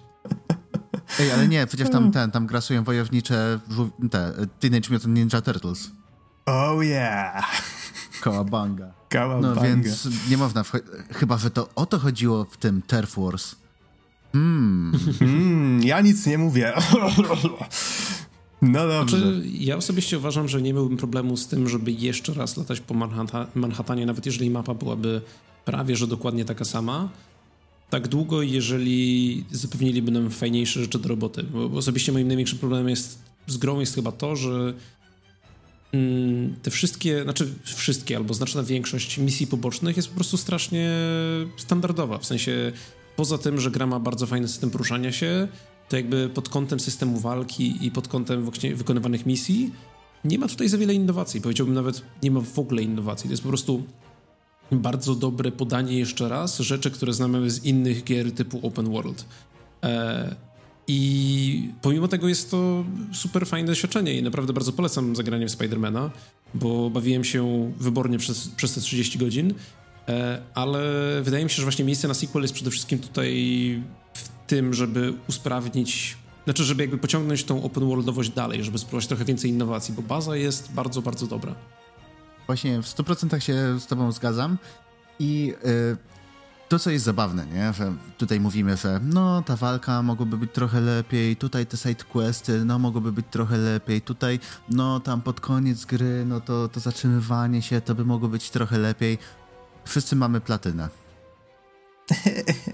No, I... no to, jest, to jest najlepsza recenzja tej gry tak naprawdę. Tak, ma swoje problemy, pewnie. To... Siedzimy od 50 minut właśnie, w, wymieniamy rzeczy, które nam się, o, tu można by to poprawić, a wszyscy trzej obecni mają grę splatynowaną. To jest w ogóle moja jedyna platyna na PS4. Ale to też świadczy o tym, że gra jest dobrze zaprojektowana, bo po skończeniu gry tak naprawdę wiele osób mówi, że niewiele więcej trzeba było, żeby tę platynę wbić, więc jednak te poboczne rzeczy, na które tak narzekamy, zachęcają do tego, żeby je robić w trakcie gry. To się wszystko tak fajnie łączy. Właśnie cała ta motoryka poruszania się, prawda? To, to jest świetne. To daje tyle frajdy. W sensie, ja mógłbym jeszcze gdzieś tam poprzyczepiać się do niektórych rzeczy, które mi się mniej podobały, ale cała gra, w sensie gra, gra jako całość jest naprawdę na tyle dobrze wykonana i na tyle sprawia frajdę, że no spokojnie mógłbym, myślę nad tym, żeby po prostu kupić delceki i znowu przejść i może nawet, dobra, może nie splatynować, ale rzeczywiście, żeby przejść delceki i jeszcze chwilę zabawić w tym świecie.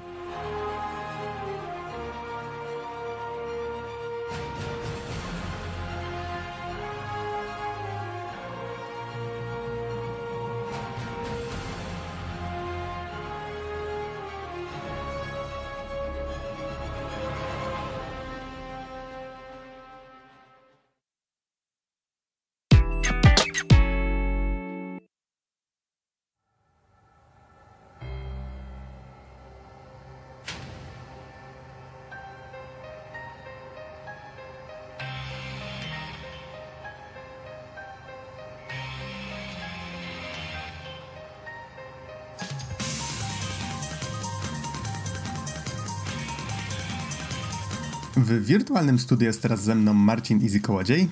Hej, hej.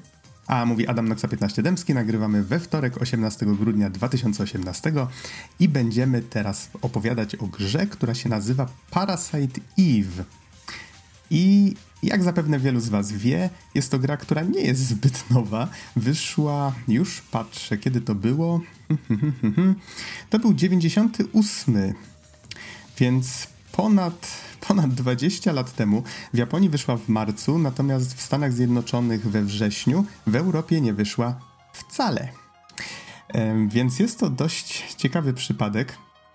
A dlaczego akurat teraz o niej mówimy? Właściwie powinniśmy podziękować za to surferowi, bo o, ostatnio zwrócił uwagę na to, że Square Enix zarejestrowało e, markę Parasite Eve, czy trademark, tak? Parasite Eve e, w Europie. No i chodzą plotki o tym, że być może oznacza to, że w końcu pierwsza część wyjdzie też u nas, a może planują jakiś remaster, byłoby całkiem fajnie.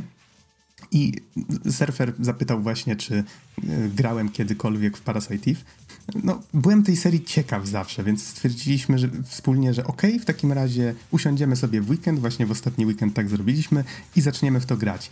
I muszę przyznać, że naprawdę bardzo pozytywnie nas ta gra zaskoczyła. E, podesłałem Iziemu też taki pomysł, że akcja gry dzieje się akurat w Boże Narodzenie, więc stwierdziłem, że okej, okay, teraz też raptem za tydzień mamy Boże Narodzenie, trzeba to jakoś wykorzystać i być może to jest właśnie dobry moment, żeby nagrać recenzję i, i wrzucić ją do, do odcinka, który się pojawi jeszcze może w tym roku. Dokładnie, właśnie jeszcze tutaj tak trochę tematycznie, prawda, to nawiązuje. Parasite Eve, czyli Wigilia Pasożyta, prawda, niedługo będzie wizyt, niedługo będzie Wigilia, my będziemy pasożytami u rodziców, prawda, będziemy się obżerać strasznie, więc ja myślę, że to akurat tak idealnie spina po prostu tematycznie tą końcówkę roku. To jest bardzo ciekawa interpretacja tego tytułu. Dziękuję, dziękuję. tak, bardziej zastanawiałem się, czy nie powinno się tłumaczyć to jako pasożyt Ewa, albo właśnie w ten, coś w ten deseń. Oczywiście kim czy czym jest Ewa, o tym za chwilę opowiemy. E, ta tytułowa. Mm, ja bym A... jeszcze w sumie dorzucił mm -hmm. to, że e, właśnie tutaj Nox podrzucił mi pomysł, że może też bym tutaj właśnie przed nagraniem jeszcze chwilę zagrał. Ja tak pomyślałem sobie, Boże, przecież też zabierałem się za przejście tej gry od dawna, bo tak naprawdę ostatnio jak grałem to było parę ładnych lat temu na PSP-ku i gdzieś tam nawet do połowy nie doszedłem. I teraz, yy, teraz właśnie tak odpaliłem, gram, gram, gram, minęła godzina i takie ej, nie, nie, to jest nie, to jest fajne. Nie, to ja to muszę pocisnąć. Jeszcze tym bardziej, że yy, dowiedziałem się też, że to jest tak naprawdę sequel do książki o tej samej nazwie i do której też się teraz szykuję, żeby zacząć czytać. Mhm. Ja akurat przeczytałem streszczenie tej książki. O samej książce w grze też jest mowa, więc spodziewaj się trochę spoilerów na zasadzie pojawi się w pewnym momencie nawiązanie właśnie, będzie mowa o tym, co działo się w książce, że to działo się w tym samym uniwersum, nazwijmy to. Ale właśnie fajna rzecz, o której wspomniałeś, o której zapomniałem wspomnieć, czyli że gra wyszła tylko na pierwsze PlayStation, a została stworzona przez Squaresoft. Obecnie Square Enix, tak? Dość sporo znanych nazwisk brało udział w produkcji, bo producentem był Hironobu Sakaguchi, ojciec serii Final Fantasy, albo widzę tutaj jeszcze artystą, który zaprojektował e, główną bohaterkę e, jest Tetsuya Nomura, a soundtrack skomponowała Yoko Shimomura, która w tej chwili myślę jest chyba najbardziej znana z muzyki do Kingdom Hearts, ale nie jest to oczywiście jedyna część jej dorobku. E, tak więc, no, widać, że tutaj całkiem sporo te, tego. Albo może powiem inaczej. Jest faktycznie tę grę się wspomina jako taką jedną z klasyków Squaresoftu, czy, czy właśnie. Jeżeli się mówi o jakichś takich dość nietypowych JRPG-ach, to właśnie Parasite Eve e, też pada w takich zestawieniach. No to może w końcu przekonajmy się dlaczego. Zacznijmy od tego, że Parasite Eve jest grą, która jest JRPG-iem, ale nie ma tutaj żadnego fantazy czy, czy właśnie jakichś mitycznych światów. Akcja jest osadzona w Nowym Jorku. Mamy e, Wigilię roku 1997. Na początku widzimy bohaterkę, która się nazywa. A, e, tutaj staraliśmy się z Izim dojść do tego, jak się to powinno wymawiać. Doszliśmy chyba do tego, że powinniśmy to mówić jako Aya Brea, tak? Tak, tak, właśnie brzmi zdecydowanie lepiej niż Ayabreya. Y, no, ale powiedzmy, że Ayabrea i tak będziemy do niej mówić. Tak samo jak na Tomb Raider mówimy Tomb Raider, tak to będzie Ayabrea. Mówimy albo mówiliśmy. Niemniej tak, albo po prostu w skrócie Aya będzie prościej. E, Aya jest policjantką, pracującą właśnie w nowojorskiej policji i na święta wybrała się na randkę do opery. Więc gra zaczyna się dość ciekawie, w takim, można powiedzieć, fajnym miejscu. Mamy operę, ładny budynek, e, jakąś taką dość ciekawą atmosferę. Zaczyna się e, przedstawienie, jest. Na, na scenie aktorzy się poruszają, mówią do siebie, i w pewnym momencie jedna śpiewaczka operowa, która się, jak się później dowiemy, nazywa się Melissa, mm, zaczyna solowy występ i w trakcie jej śpiewu ludzie na widowni zaczynają płonąć. Ale nie w takim sensie jak na koncertach hmm. rockowych, nagle jest zamieszanie tak. Wall of Death i te sprawy, tylko tak dosłownie. Tak, nie, nie rozgrzała y, atmosfery, tak. No, bardzo dosłownie do tego podeszła, powiedzmy w ten sposób, a muszę się chyba napić po takim sucharze. Ale Wydaje się, że Aya jest jedyną osobą, która jest mm, odporna na to, co się dzieje wokół, więc rusza w pościg za Melisą. I e, w trakcie tego pościgu Melisa przeistacza się w coś, co właściwie można by nazwać potworem o, o twarzy kobiety, i w pewnym momencie ten, ten potwór mówi, że nazywa się Ewa. W, w, trakcie właśnie tego pościgu ona jakby mutuje różne stworzenia, które mm, są w okolicy, czyli szczury nagle zamieniają się w jakieś wielkie monstra, jakby wycięte z filmu The Thing Carpentera. Um, I jakby przebijamy się przez te, przez te zastępy tych mutantów. I Ewa, Ewie udaje się uciec. No jak się możecie domyślać, gra będzie się skupiać wokół tego, żeby dowiedzieć się, kim jest Ewa, żeby ją e, znaleźć, żeby w jakiś sposób powstrzymać przed tym, co próbuje zrobić. No i będą to bardzo pracowite święta dla nowojorskiej policji, jak też nie trudno się domyślić. I całą tę historię myślę, że można tak fajnie podsumować jako takie mm, połączenie thrillera policyjnego z dreszczykiem, z drobnymi elementami science fiction. Tutaj właśnie wspomniałeś o tej książce, którą na, napisał Hideaki Sena. I czytałem wywiad z nim, czy on właściwie miał cokolwiek. Może zamieszczę właśnie linka pod, e, pod opisem podcastu. I on został zapytany, czy miał cokolwiek wspólnego z fabułą e, gry bo gra niejako kontynuuje te wydarzenia z książki, ale okazało się, że nie, że e, jakby umowa, że gra w ogóle ma powstać, została podpisana między wydawcą książki a, a Squarem i jakby on poznał fabułę samej gry dopiero po tym, jak ona już wyszła. Więc taka dość dziwna sytuacja. Jakby to Sapkowski ujął, jest to raczej grę można więc traktować w formie takiego fanartu, tak? A oczekiwał później jakieś 60 milionów od nich? Tego nie wiem. nie mam pojęcia. E, ale wydawał się zaskoczony, zaskoczony i zadowolony z tego, że książka odniosła taki sukces, bo z tego co czytałem, to faktycznie Parasite Eve właśnie w tej formie książkowej była dość popularna swojego czasu w Japonii, być może na zachodzie trochę też i właśnie to, to spowodowało, że ta gra powstała. E, niemniej, wracając do AI, Tutaj wspomniałem, że mamy tutaj trochę takiego thrillera policyjnego. Strasznie mi się skojarzyły pewne wątki z, znaczy, że nie tyle wątki, co e, pewne postacie z filmem Zabójcza Broń. Mianowicie mamy tutaj duet. Jest Aya i jest Daniel, który jest czarnoskórym policjantem, który ma gruby wąs i dosłownie jak się na niego patrzy, to nie można nie skojarzyć go z zabójczą bronią, tak? Ten, ten duet po prostu tak jakoś mi się strasznie z tym filmem kojarzy. Wydaje mi się, że w ogóle Japończycy jakoś tak strasznie lubią ten film, y, nawet patrząc na inne gry, które powstały, choćby Noc z 94 y, stworzone przez Hideo Kojimę. Prawda, tam też widać straszne inspiracje właśnie zabójczą bronią i jak tylko sobie wygooglacie Noc, to zobaczycie, zobaczycie okładkę, na której są główni bohaterowie i no, będziecie mieli tą samą myśl. Mhm.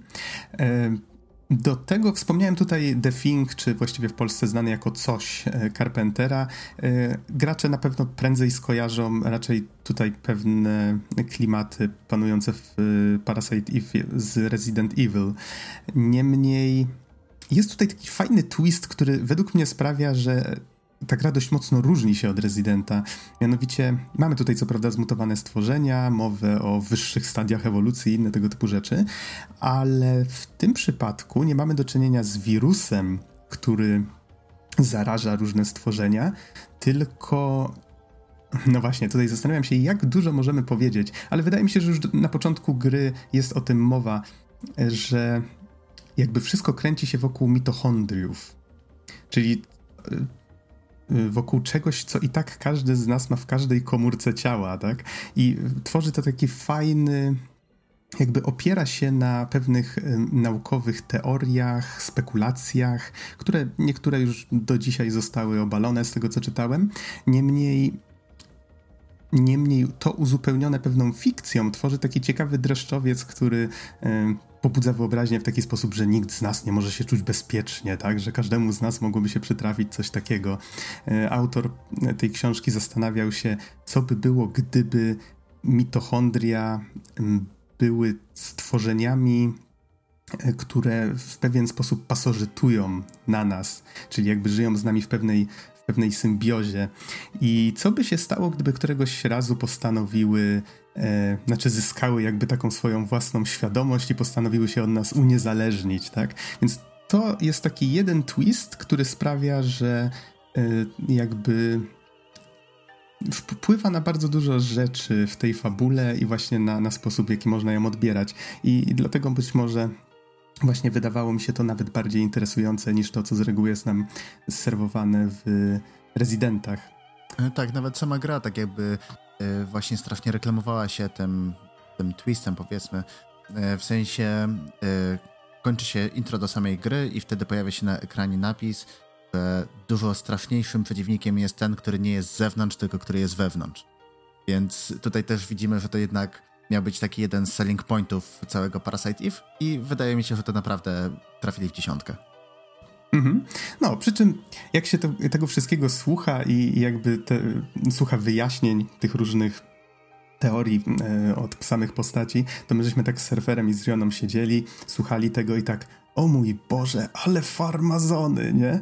I surfer w pewnym momencie zajrzał do komórki i tak siedzi, siedzi cicho i w pewnym momencie mówi, słuchajcie, ale to i tamto, to naprawdę istniało, nie? Tam, tam jakieś teorie, jakieś hipotezy, e, jakaś mitochondrialna Ewa, te, tego, typu, tego typu rzeczy jak się faktycznie zagłębi w to, o czym w tej grze jest mowa, to da się dotrzeć do naukowych podstaw, które wykorzystano właśnie do, do tego, żeby jakby te, te, te historie rozwinąć.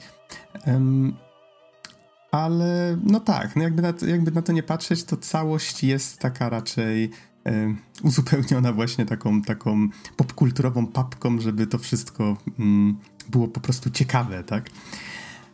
I myślę, że to się udaje. Myślę, że to się udaje na potrzeby takiej gry akcji, jak najbardziej się to sprawdza. Może przejdźmy właśnie do tego, jak się w to właściwie gra. Czyli mówiłem tutaj o JRPG-u, ale muszę przyznać, że gra mnie zaskoczyła tym, jak sprawnie i szybko toczy się w niej akcja. To znaczy, przede wszystkim, co chwila zmienia się miejsce akcji, zawsze dzieje się coś ciekawego. To, że mamy walki z przeciwnikami, wcale nie znaczy, że że fabuła jest w jakiś sposób spowolniona. Nie wiem, czy znacie to uczucie, ale w wielu JRPG-ach w momencie, kiedy dzieje się najpierw jakaś fabularna scenka, potem wychodzimy najpierw na powiedzmy jakąś otwartą przestrzeń i myślimy sobie, ok, to teraz dojdziemy do jakiegoś miejsca i będzie, poznamy jakąś kolejną część tej historii.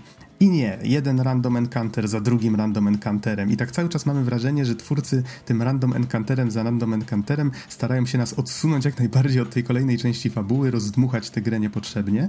I tutaj w Parasite Eve ani razu się tak nie czułem. To znaczy, jak walka się już pojawia, to po pierwsze nie mamy tutaj osobnej areny, tylko e, wszystko się dzieje na tym samym ekranie. Po prostu przeciwnicy się pojawiają, postać się przesuwa gdzieś tam, ale jakby cały czas mamy to samo tło. E, to samo mm, fani e, Chrono Triggera mogą kojarzyć podobne rozwiązanie, czy właściwie identyczne, z tą różnicą, że tutaj możemy swobodnie poruszać postacią, więc nadal mamy do czynienia z górą akcji. Musimy unikać ciosów przeciwników, musimy się przemieszczać, żeby, żeby na nas nie wpadali. I różne bronie palne, które mamy ze sobą, one mają różny zasięg. Musimy się tak usadowić, żeby być jak najbliżej przeciwnika, albo jeżeli mamy broń, która ma duży zasięg, możemy sobie pozwolić na odsunięcie się trochę dalej. Musimy się e, właśnie w ten sposób przemieszczać. Te walki są bardzo szybkie, e, od razu pojawia się tam powiedzmy jakiś jeden menu z podsumowaniem, można go szybko przewinąć, lecieć dalej, więc to tempo nie sprawia wrażenia, jakby było stopowane przez, e, przez tą mechanikę. E, tak właśnie ten e, tak naprawdę brak random encounterów wydaje mi się, że po prostu zawsze w tych samych miejscach tak jakby pojawiają się walki, więc to na pewno pomaga jeżeli chodzi o planowanie tras i inne takie. Plus do tego one są bardzo szybkie. Nie ma jakichś przewlekłych, yy, przewlekłych tutoriali, ani żadnego wyjaśniania, tylko po prostu wbijamy do walki, pach, pach, pach, strzelamy, potworki umierają, dostajemy expa. Jest to naprawdę mega szybkie i mega przyjemne. A jeszcze odnośnie samego takiego systemu celowania i walki, to tak jakby podczas celowania pojawia się taka, e, taka sfera, która pokazuje nam zasięg. Jeżeli przeciwnicy są poza tym zasięgiem, to zadajemy po pierwsze dużo mniejsze obrażenia, po drugie mamy dużo większą szansę na nietrafienie. I jeżeli graliście kiedyś w taką grę jak Vagrant Story, to na pewno kojarzycie ten system. E, widać, że po prostu tak jakby Parasite Eve stworzył podwaliny pod Vagrant Story, e, takie, takie mechaniczne, tylko tutaj to jest takie mega proste. W sensie, tak jak mówię, po prostu przyciskamy X, wybieramy cele, strzelamy, tyle, koniec. W Vagrant Story dochodziły jeszcze te wszystkie e, risk breakery, jakieś takie quick time eventy, powiedzmy, które tworzyły nam kombosy, ale tutaj czegoś takiego nie oświadczymy. Mhm. Przy czym to, że ten system jest raczej prosty, jest jak najbardziej plusem. Przynajmniej t- tak mi się wydało. Yy, tak, tak. Yy, to, to jak najbardziej się zgadzam. Jest. Yy, dużo bardziej po prostu zaczynamy się interesować tym, co się dzieje, że tak powiem, w fabule i te walki. Często w JRPG-ach, szczególnie tych starych, te pierwsze walki były takie właśnie tutorialowe i były sztucznie przeciągane, w sensie przeciwnicy mieli dużo hapsów. A tutaj dosłownie, pierwsza walka, tam strzelam do jakiegoś potworka, dwa strzały ginie, koniec walki, tyle. Dostałeś level, gratulacje. To było super. Mhm, tak, no i właśnie akcja całej gry właściwie leci mniej więcej takim tempem i bardzo mi się to podobało. E, oczywiście później niektóre lokacje są trochę bardziej rozbudowane i tak dalej, ale co chwila zdarzają się jakieś prerenderowane filmiki, coś tam się gdzieś pojawi, gdzieś przefrunie. E, widać, że gra miała pokaźny budżet. Mm, poza tym właśnie ten brak menusów takich zbędnych też wydaje mi się tutaj e, widać, że twórcy starali się, żeby tych menusów było jak najmniej. To znaczy na ekranie, na przykład podczas normalnej rozgrywki nie widzimy żadnych informacji. Jak zaczyna się walka, to pojawia się niewielki paseczek tak zwanego Parasite Energy, który służy nam do używania czegoś w rodzaju czarów, nazwijmy to, takie umiejętności w rodzaju uzdrowienia się, czy takiego mocniejszego strzału. I zdobywamy sobie te umiejętności wraz z levelami. Ten pasek, on się w trakcie walki ładuje cały czas, więc możemy, i to dość szybko się ładuje, więc możemy w trakcie walki kilka razy różnych umiejętności używać.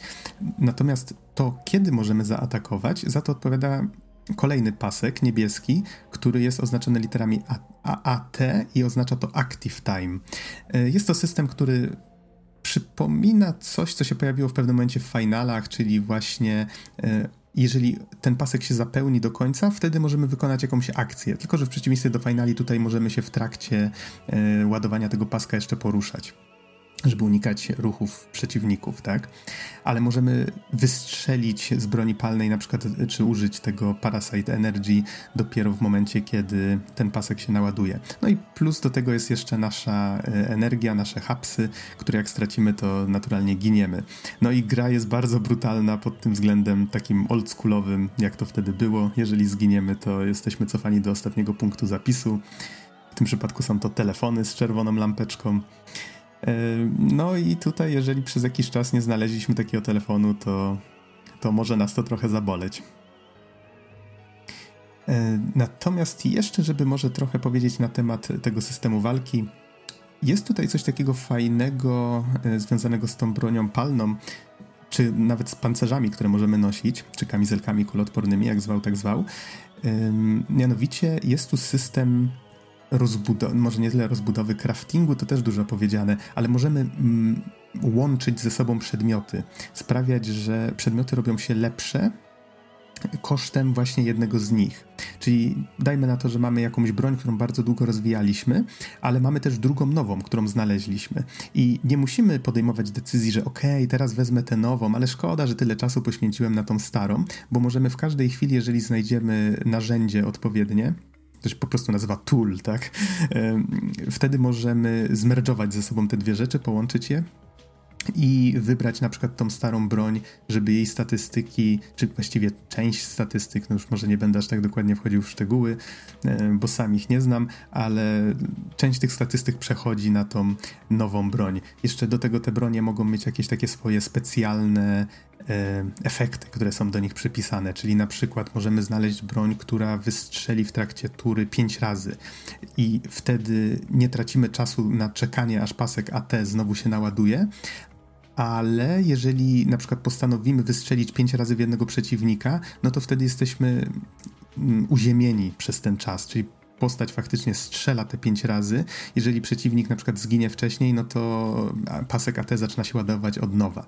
Więc to są takie może teraz jak o tym opowiadam, to brzmi to trochę skomplikowanie, ale faktycznie są takie proste mechanizmy, których uczymy się po prostu wraz z postępami w grze i to wszystko tak się bardzo fajnie zazębia i, i klei. I ten system rozwoju tych przedmiotów sprawia, że nie mamy dużego wpływu na rozwój naszej postaci. Możemy wybierać raptem, y, pakować y, punkty, które dostajemy co level raptem w to, czy chcemy, żeby się szybciej pasek AT ładował, y, albo na przykład w mm, to, jak duży mamy ekwipunek. A on nigdy nie jest wystarczająco duży, uwierzcie na słowo. I to są dwie jedyne rzeczy, które możemy, w które możemy inwestować w naszej postaci. Natomiast całą resztę pakujemy właśnie w w nasze bronie, w nasze pancerze, na to, jak bardzo są wytrzymałe, jak duży mają zasięg, ile mają pocisków na przykład przed przeładowaniem, które też nas trochę spowalnia. Więc takie drobiazgi, które myślę fajnie, fajnie tutaj działają i, ten, i w tym prostym systemie naprawdę e, potrafią sprawiać sporo radochy, gdy się już troszeczkę jakby dowiemy, jak to wszystko działa i zaczniemy to rozumieć. Okej, okay, co jeszcze moglibyśmy tutaj wspomnieć? Mm. Hmm, czy, czy, mamy coś jeszcze odnośnie samej mechaniki? Wydaje mi się, że w sumie powiedzieliśmy już, już całkiem sporo i moglibyśmy powoli po prostu miewać już w stronę, w stronę oprawy. Mhm.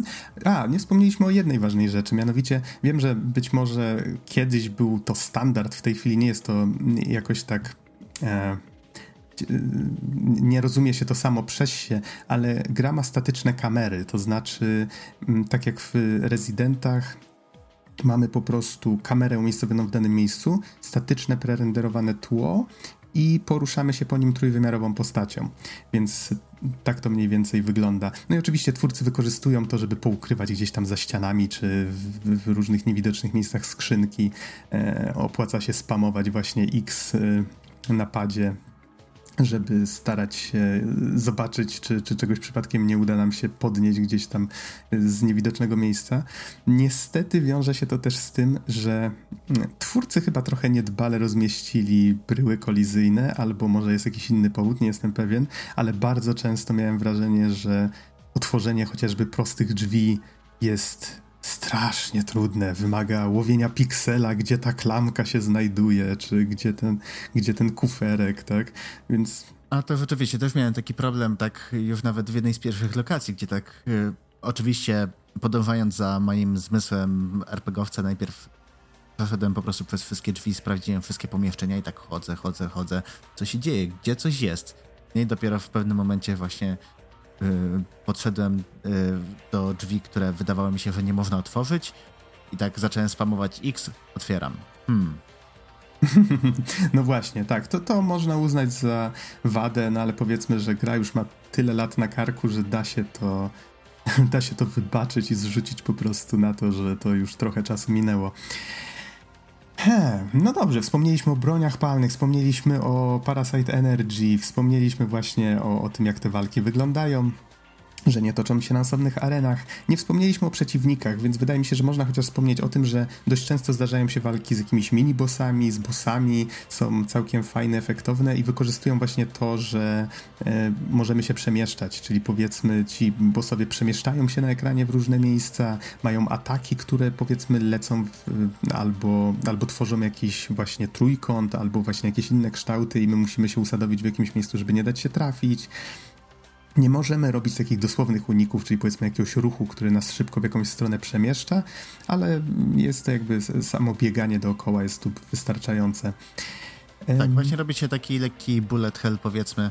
Oczywiście to jest Play 1, więc nie oczekujmy od tego, że będzie bardzo dużo modeli 3D na ekranie naraz, ale, ale rzeczywiście walki z bossami to często jest e, lawirowanie między po prostu ich pociskami i różnymi formami ataków. Mhm. Mianowicie, jeżeli chodzi o oprawę, no to tutaj już wspomniałem, że jest dużo prerenderowanych filmików. Wspomniałem, że tła są też prerenderowane, mamy do czynienia z modelami 3D. Jeżeli zaś chodzi o ich wygląd, no to tutaj najłatwiej będzie mi podać przykład, mianowicie jeżeli pamiętacie jak wyglądał Final 7, a domyślam się, że wiele osób może pamiętać, to tutaj postacie są zrobione podobną techniką, ale mam wrażenie, że mają więcej poligonów. To znaczy, jak się spojrzy na przykład na to, jak wygląda twarz postaci, to kojarzy się ona bardzo silnie z Cloudem albo z Sephirotem właśnie z siódemki. Ma y, podobnie narysowane oczy na twarzy, Włosy są chyba też wykonane podobną techniką. Tak, tylko oczywiście tutaj mówimy o y, modelach postaci z samej walki, a nie z mapy świata. Masz na myśli siódemkę, tak? Y, tak, tak, tak. Właśnie, że one dużo bardziej wyglądają jak te high poly count modele z samych, samych starć. Mhm, tak, tak, tak, dokładnie. Czyli bliżej właśnie w tę stronę, bo te pozostałe to były takie bardzo uproszczone, wręcz śmiesznie karykaturalne, już teraz się wydają.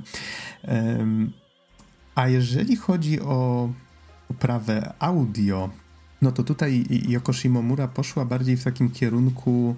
Mm, właśnie mamy dużo śpiewu operowego, co nawiązuje właśnie do, do postaci Melisy. Tylko, że ten, ten śpiew operowy on jest stworzony za pomocą sampli, co jest bardzo, bardzo łatwo to wychwycić. To znaczy, brzmi to wszystko jak taki wokaloid co, co chwila właśnie nie, nie, słychać takiego płynnego śpiewu, tylko takie nagłe zmiany. A, a, a, no tutaj oczywiście moje piękne talenty operowe nie za bardzo się do tego nadają, ale wiecie o co chodzi. Myślę, że to pasuje do klimatu, a czy wydaje się właśnie już takie troszeczkę archaiczne, tak? Tworzy trochę może taką lekko psychodeliczną e, lekko psychodeliczny klimacik, można by to tak określić. Do tego są jeszcze kawałki um, utwory, które brzmią nie wiem, bardzo tak or, or, organo, jakby na organach były grane, które też budują bardzo fajny nastrój. No i taka muzyka elektroniczna też temu towarzyszy. Na przykład jak przeglądamy mapę Manhattanu, bardzo fajnie zrobioną zresztą, to, to mamy taki właśnie kaczy kawałek. Jedyny minus, jaki żeśmy wypatrzyli z surferem i z Ironą, to to, że te kawałki są bardzo często fajne, wpadają w ucho, ale są krótkie i często się zapętlają. I to sprawia, że jeżeli jakaś lokacja trwa troszeczkę dłużej, to one może nie tyle męczą, co trochę szkoda, że nie są dłuższe. I... Tak, ale w sumie, w sumie samo przechodzenie przez te wszystkie lokacje jest w miarę takie żwawe i żywe, więc to też nie powinno stanowić aż takiego problemu. Yy, w ogóle strasznie podobało mi się, podobał mi się utwór, który był w intrze, yy, który był taki dosyć przekrojowy, w sensie było trochę tego operowego śpiewu, było trochę fortepianu, trochę organów, trochę takiej po prostu takich gitar elektrycznych, y, które właśnie fajnie podkreślały akcje, które tam dzieją się dalej w grze, co swoją drogą, jeżeli nie chcecie sobie zbytnio spoilerować wydarzeń, to nie oglądajcie intra, ale bardzo polecam przesłuchać. No, a później jak tam jakieś takie bardziej tajemnicze coś się działo, to też wtedy muzyka spowolniła i właśnie była taka bardzo klimatyczna, więc wydaje mi się, że tutaj jako Shimomura naprawdę bardzo fajnie podeszła do sprawy i jest trochę tak przekrojowo, w sensie jest trochę, y, trochę wszystkich gatunków, ale, ale to się komponuje jakoś w całość. Mhm. Tutaj dobrze, że o tym wspomniałeś. Jeżeli ktoś nie miał do czynienia z takimi starymi intrami, one często się składały właśnie z takich um, najfajniejszych scenek z różnych prerenderowanych filmików, bo był to po prostu najbardziej atrakcyjny content, jaki twórcy mogli z reguły w te intra wrzucić. E, więc tak, jeżeli chcecie jak najmniej wiedzieć o grze przed zaczęciem jej, to pomincie intro, które jest przed menu głównym jak już włączycie nową grę, to, to ten filmik, który się odpala, jest już początkiem gry, tak? Um, Okej, okay. i wydaje mi się, że jeszcze a propos oprawy audiowizualnej, powinniśmy wspomnieć o tym, że cutscenki są nieprzewijalne, coś co zauważyłem dopiero jak już tam próbowałem odtwarzać pewne fragmenty jeszcze raz, co może boleć, bo jednak jest ich dość sporo, więc no, ma to swoje plusy i minusy jak widać. I nie ma tutaj podłożonych głosów czyli wszystkie dialogi są wyświetlane w formie tekstu. Całe szczęście w większości przypadków gra czeka, aż potwierdzimy, że je przeczytaliśmy. Bardzo rzadko się zdarza, żeby mm, tekst leciał jakby na, na czas. No i podsumowując, jeżeli o mnie chodzi, to mnie gra zajęła 10 chyba godzin z hakiem, coś koło tego. I właściwie w jeden weekend zdążyliśmy to e, zdążyliśmy to przejść i bardzo, bardzo dużo radochy przy tym miałem. E, wyczytałem, że gra ma jeszcze później w New Game Plus, który się odblokowuje, to się nazywa tutaj bodajże X-Mode, e, ma coś w rodzaju alternatywnego zakończenia. Specjalnie obejrzałem je na YouTube bo okazało się, że żeby je zobaczyć, trzeba przejść przez taki proceduralnie wygenerowany Chrysler, Chrysler Building, który podobnie jak w rzeczywistości ma 77 pięter. Każde z tych pięter jest wygenerowane z jakichś tam kawałeczków, które wyglądają niestety tak samo przez wszystkie te 77 pięter i co ileś tam, co 10 chyba pięter mamy bossa. E, więc jeżeli komuś się bardzo spodoba mechanika i postanowi poświęcić na to kolejne naście, może więcej godzin, bo widziałem, że osoby, które z reguły właśnie podejmują się tego wyzwania, mają już bardzo dobrze rozbudowaną postać po kilku przejściach gry i do, dysponują właśnie jakimś super ekwipunkiem, no to wchodzą w ten Chrysler, Chrysler Building i tam poświęcają na to jeszcze kilka godzin, żeby się wdrapać w ogóle na górę, więc stwierdziłem, że, że nie, jednak, jednak fabuła i i to dobrze rozkrojone tempo właśnie toczenia się tej fabuły to było to, na czym mi najbardziej zależało i jednak wyzwanie tego typu psuje mi zupełnie to, co było w tej grze najfajniejsze. No ale domyślam się, że znajdą się też amatorzy tego typu wyzwań. E, ale tak, jest tam jeszcze dodatkowe zakończenie, które można sobie, alternatywne zakończenie, które można sobie właśnie w ten sposób zobaczyć. Gra jako taka jest raczej liniowa, ale wydaje mi się, że bardzo przyjemna. I jeżeli miałbym ją jakoś podsumować jednym zdaniem, to wydaje mi się, że. Hmm, tak trochę świątecznie. Parasite Eve skojarzył mi się trochę z takim hitem kina akcji sprzed lat, puszczanym właśnie w telewizji na święta. To znaczy, jest trochę dreszczyku emocji, jest trochę tej sztampy, ale wszystko potrafi, w tym przypadku przynajmniej, trzymać w napięciu. Ma fajną historię, która sprawia, że chce się to poznać do końca. No i myślę, że z odrobiną popcornu daje zdecydowanie dużo radości.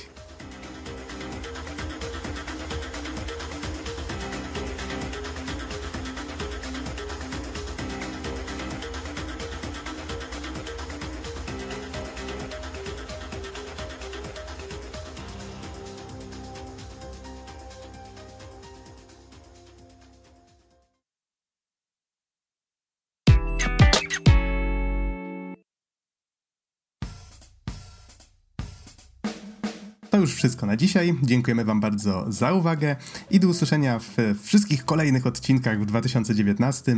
Udanego roku. Trzymajcie się. Do siego. Na razie, cześć.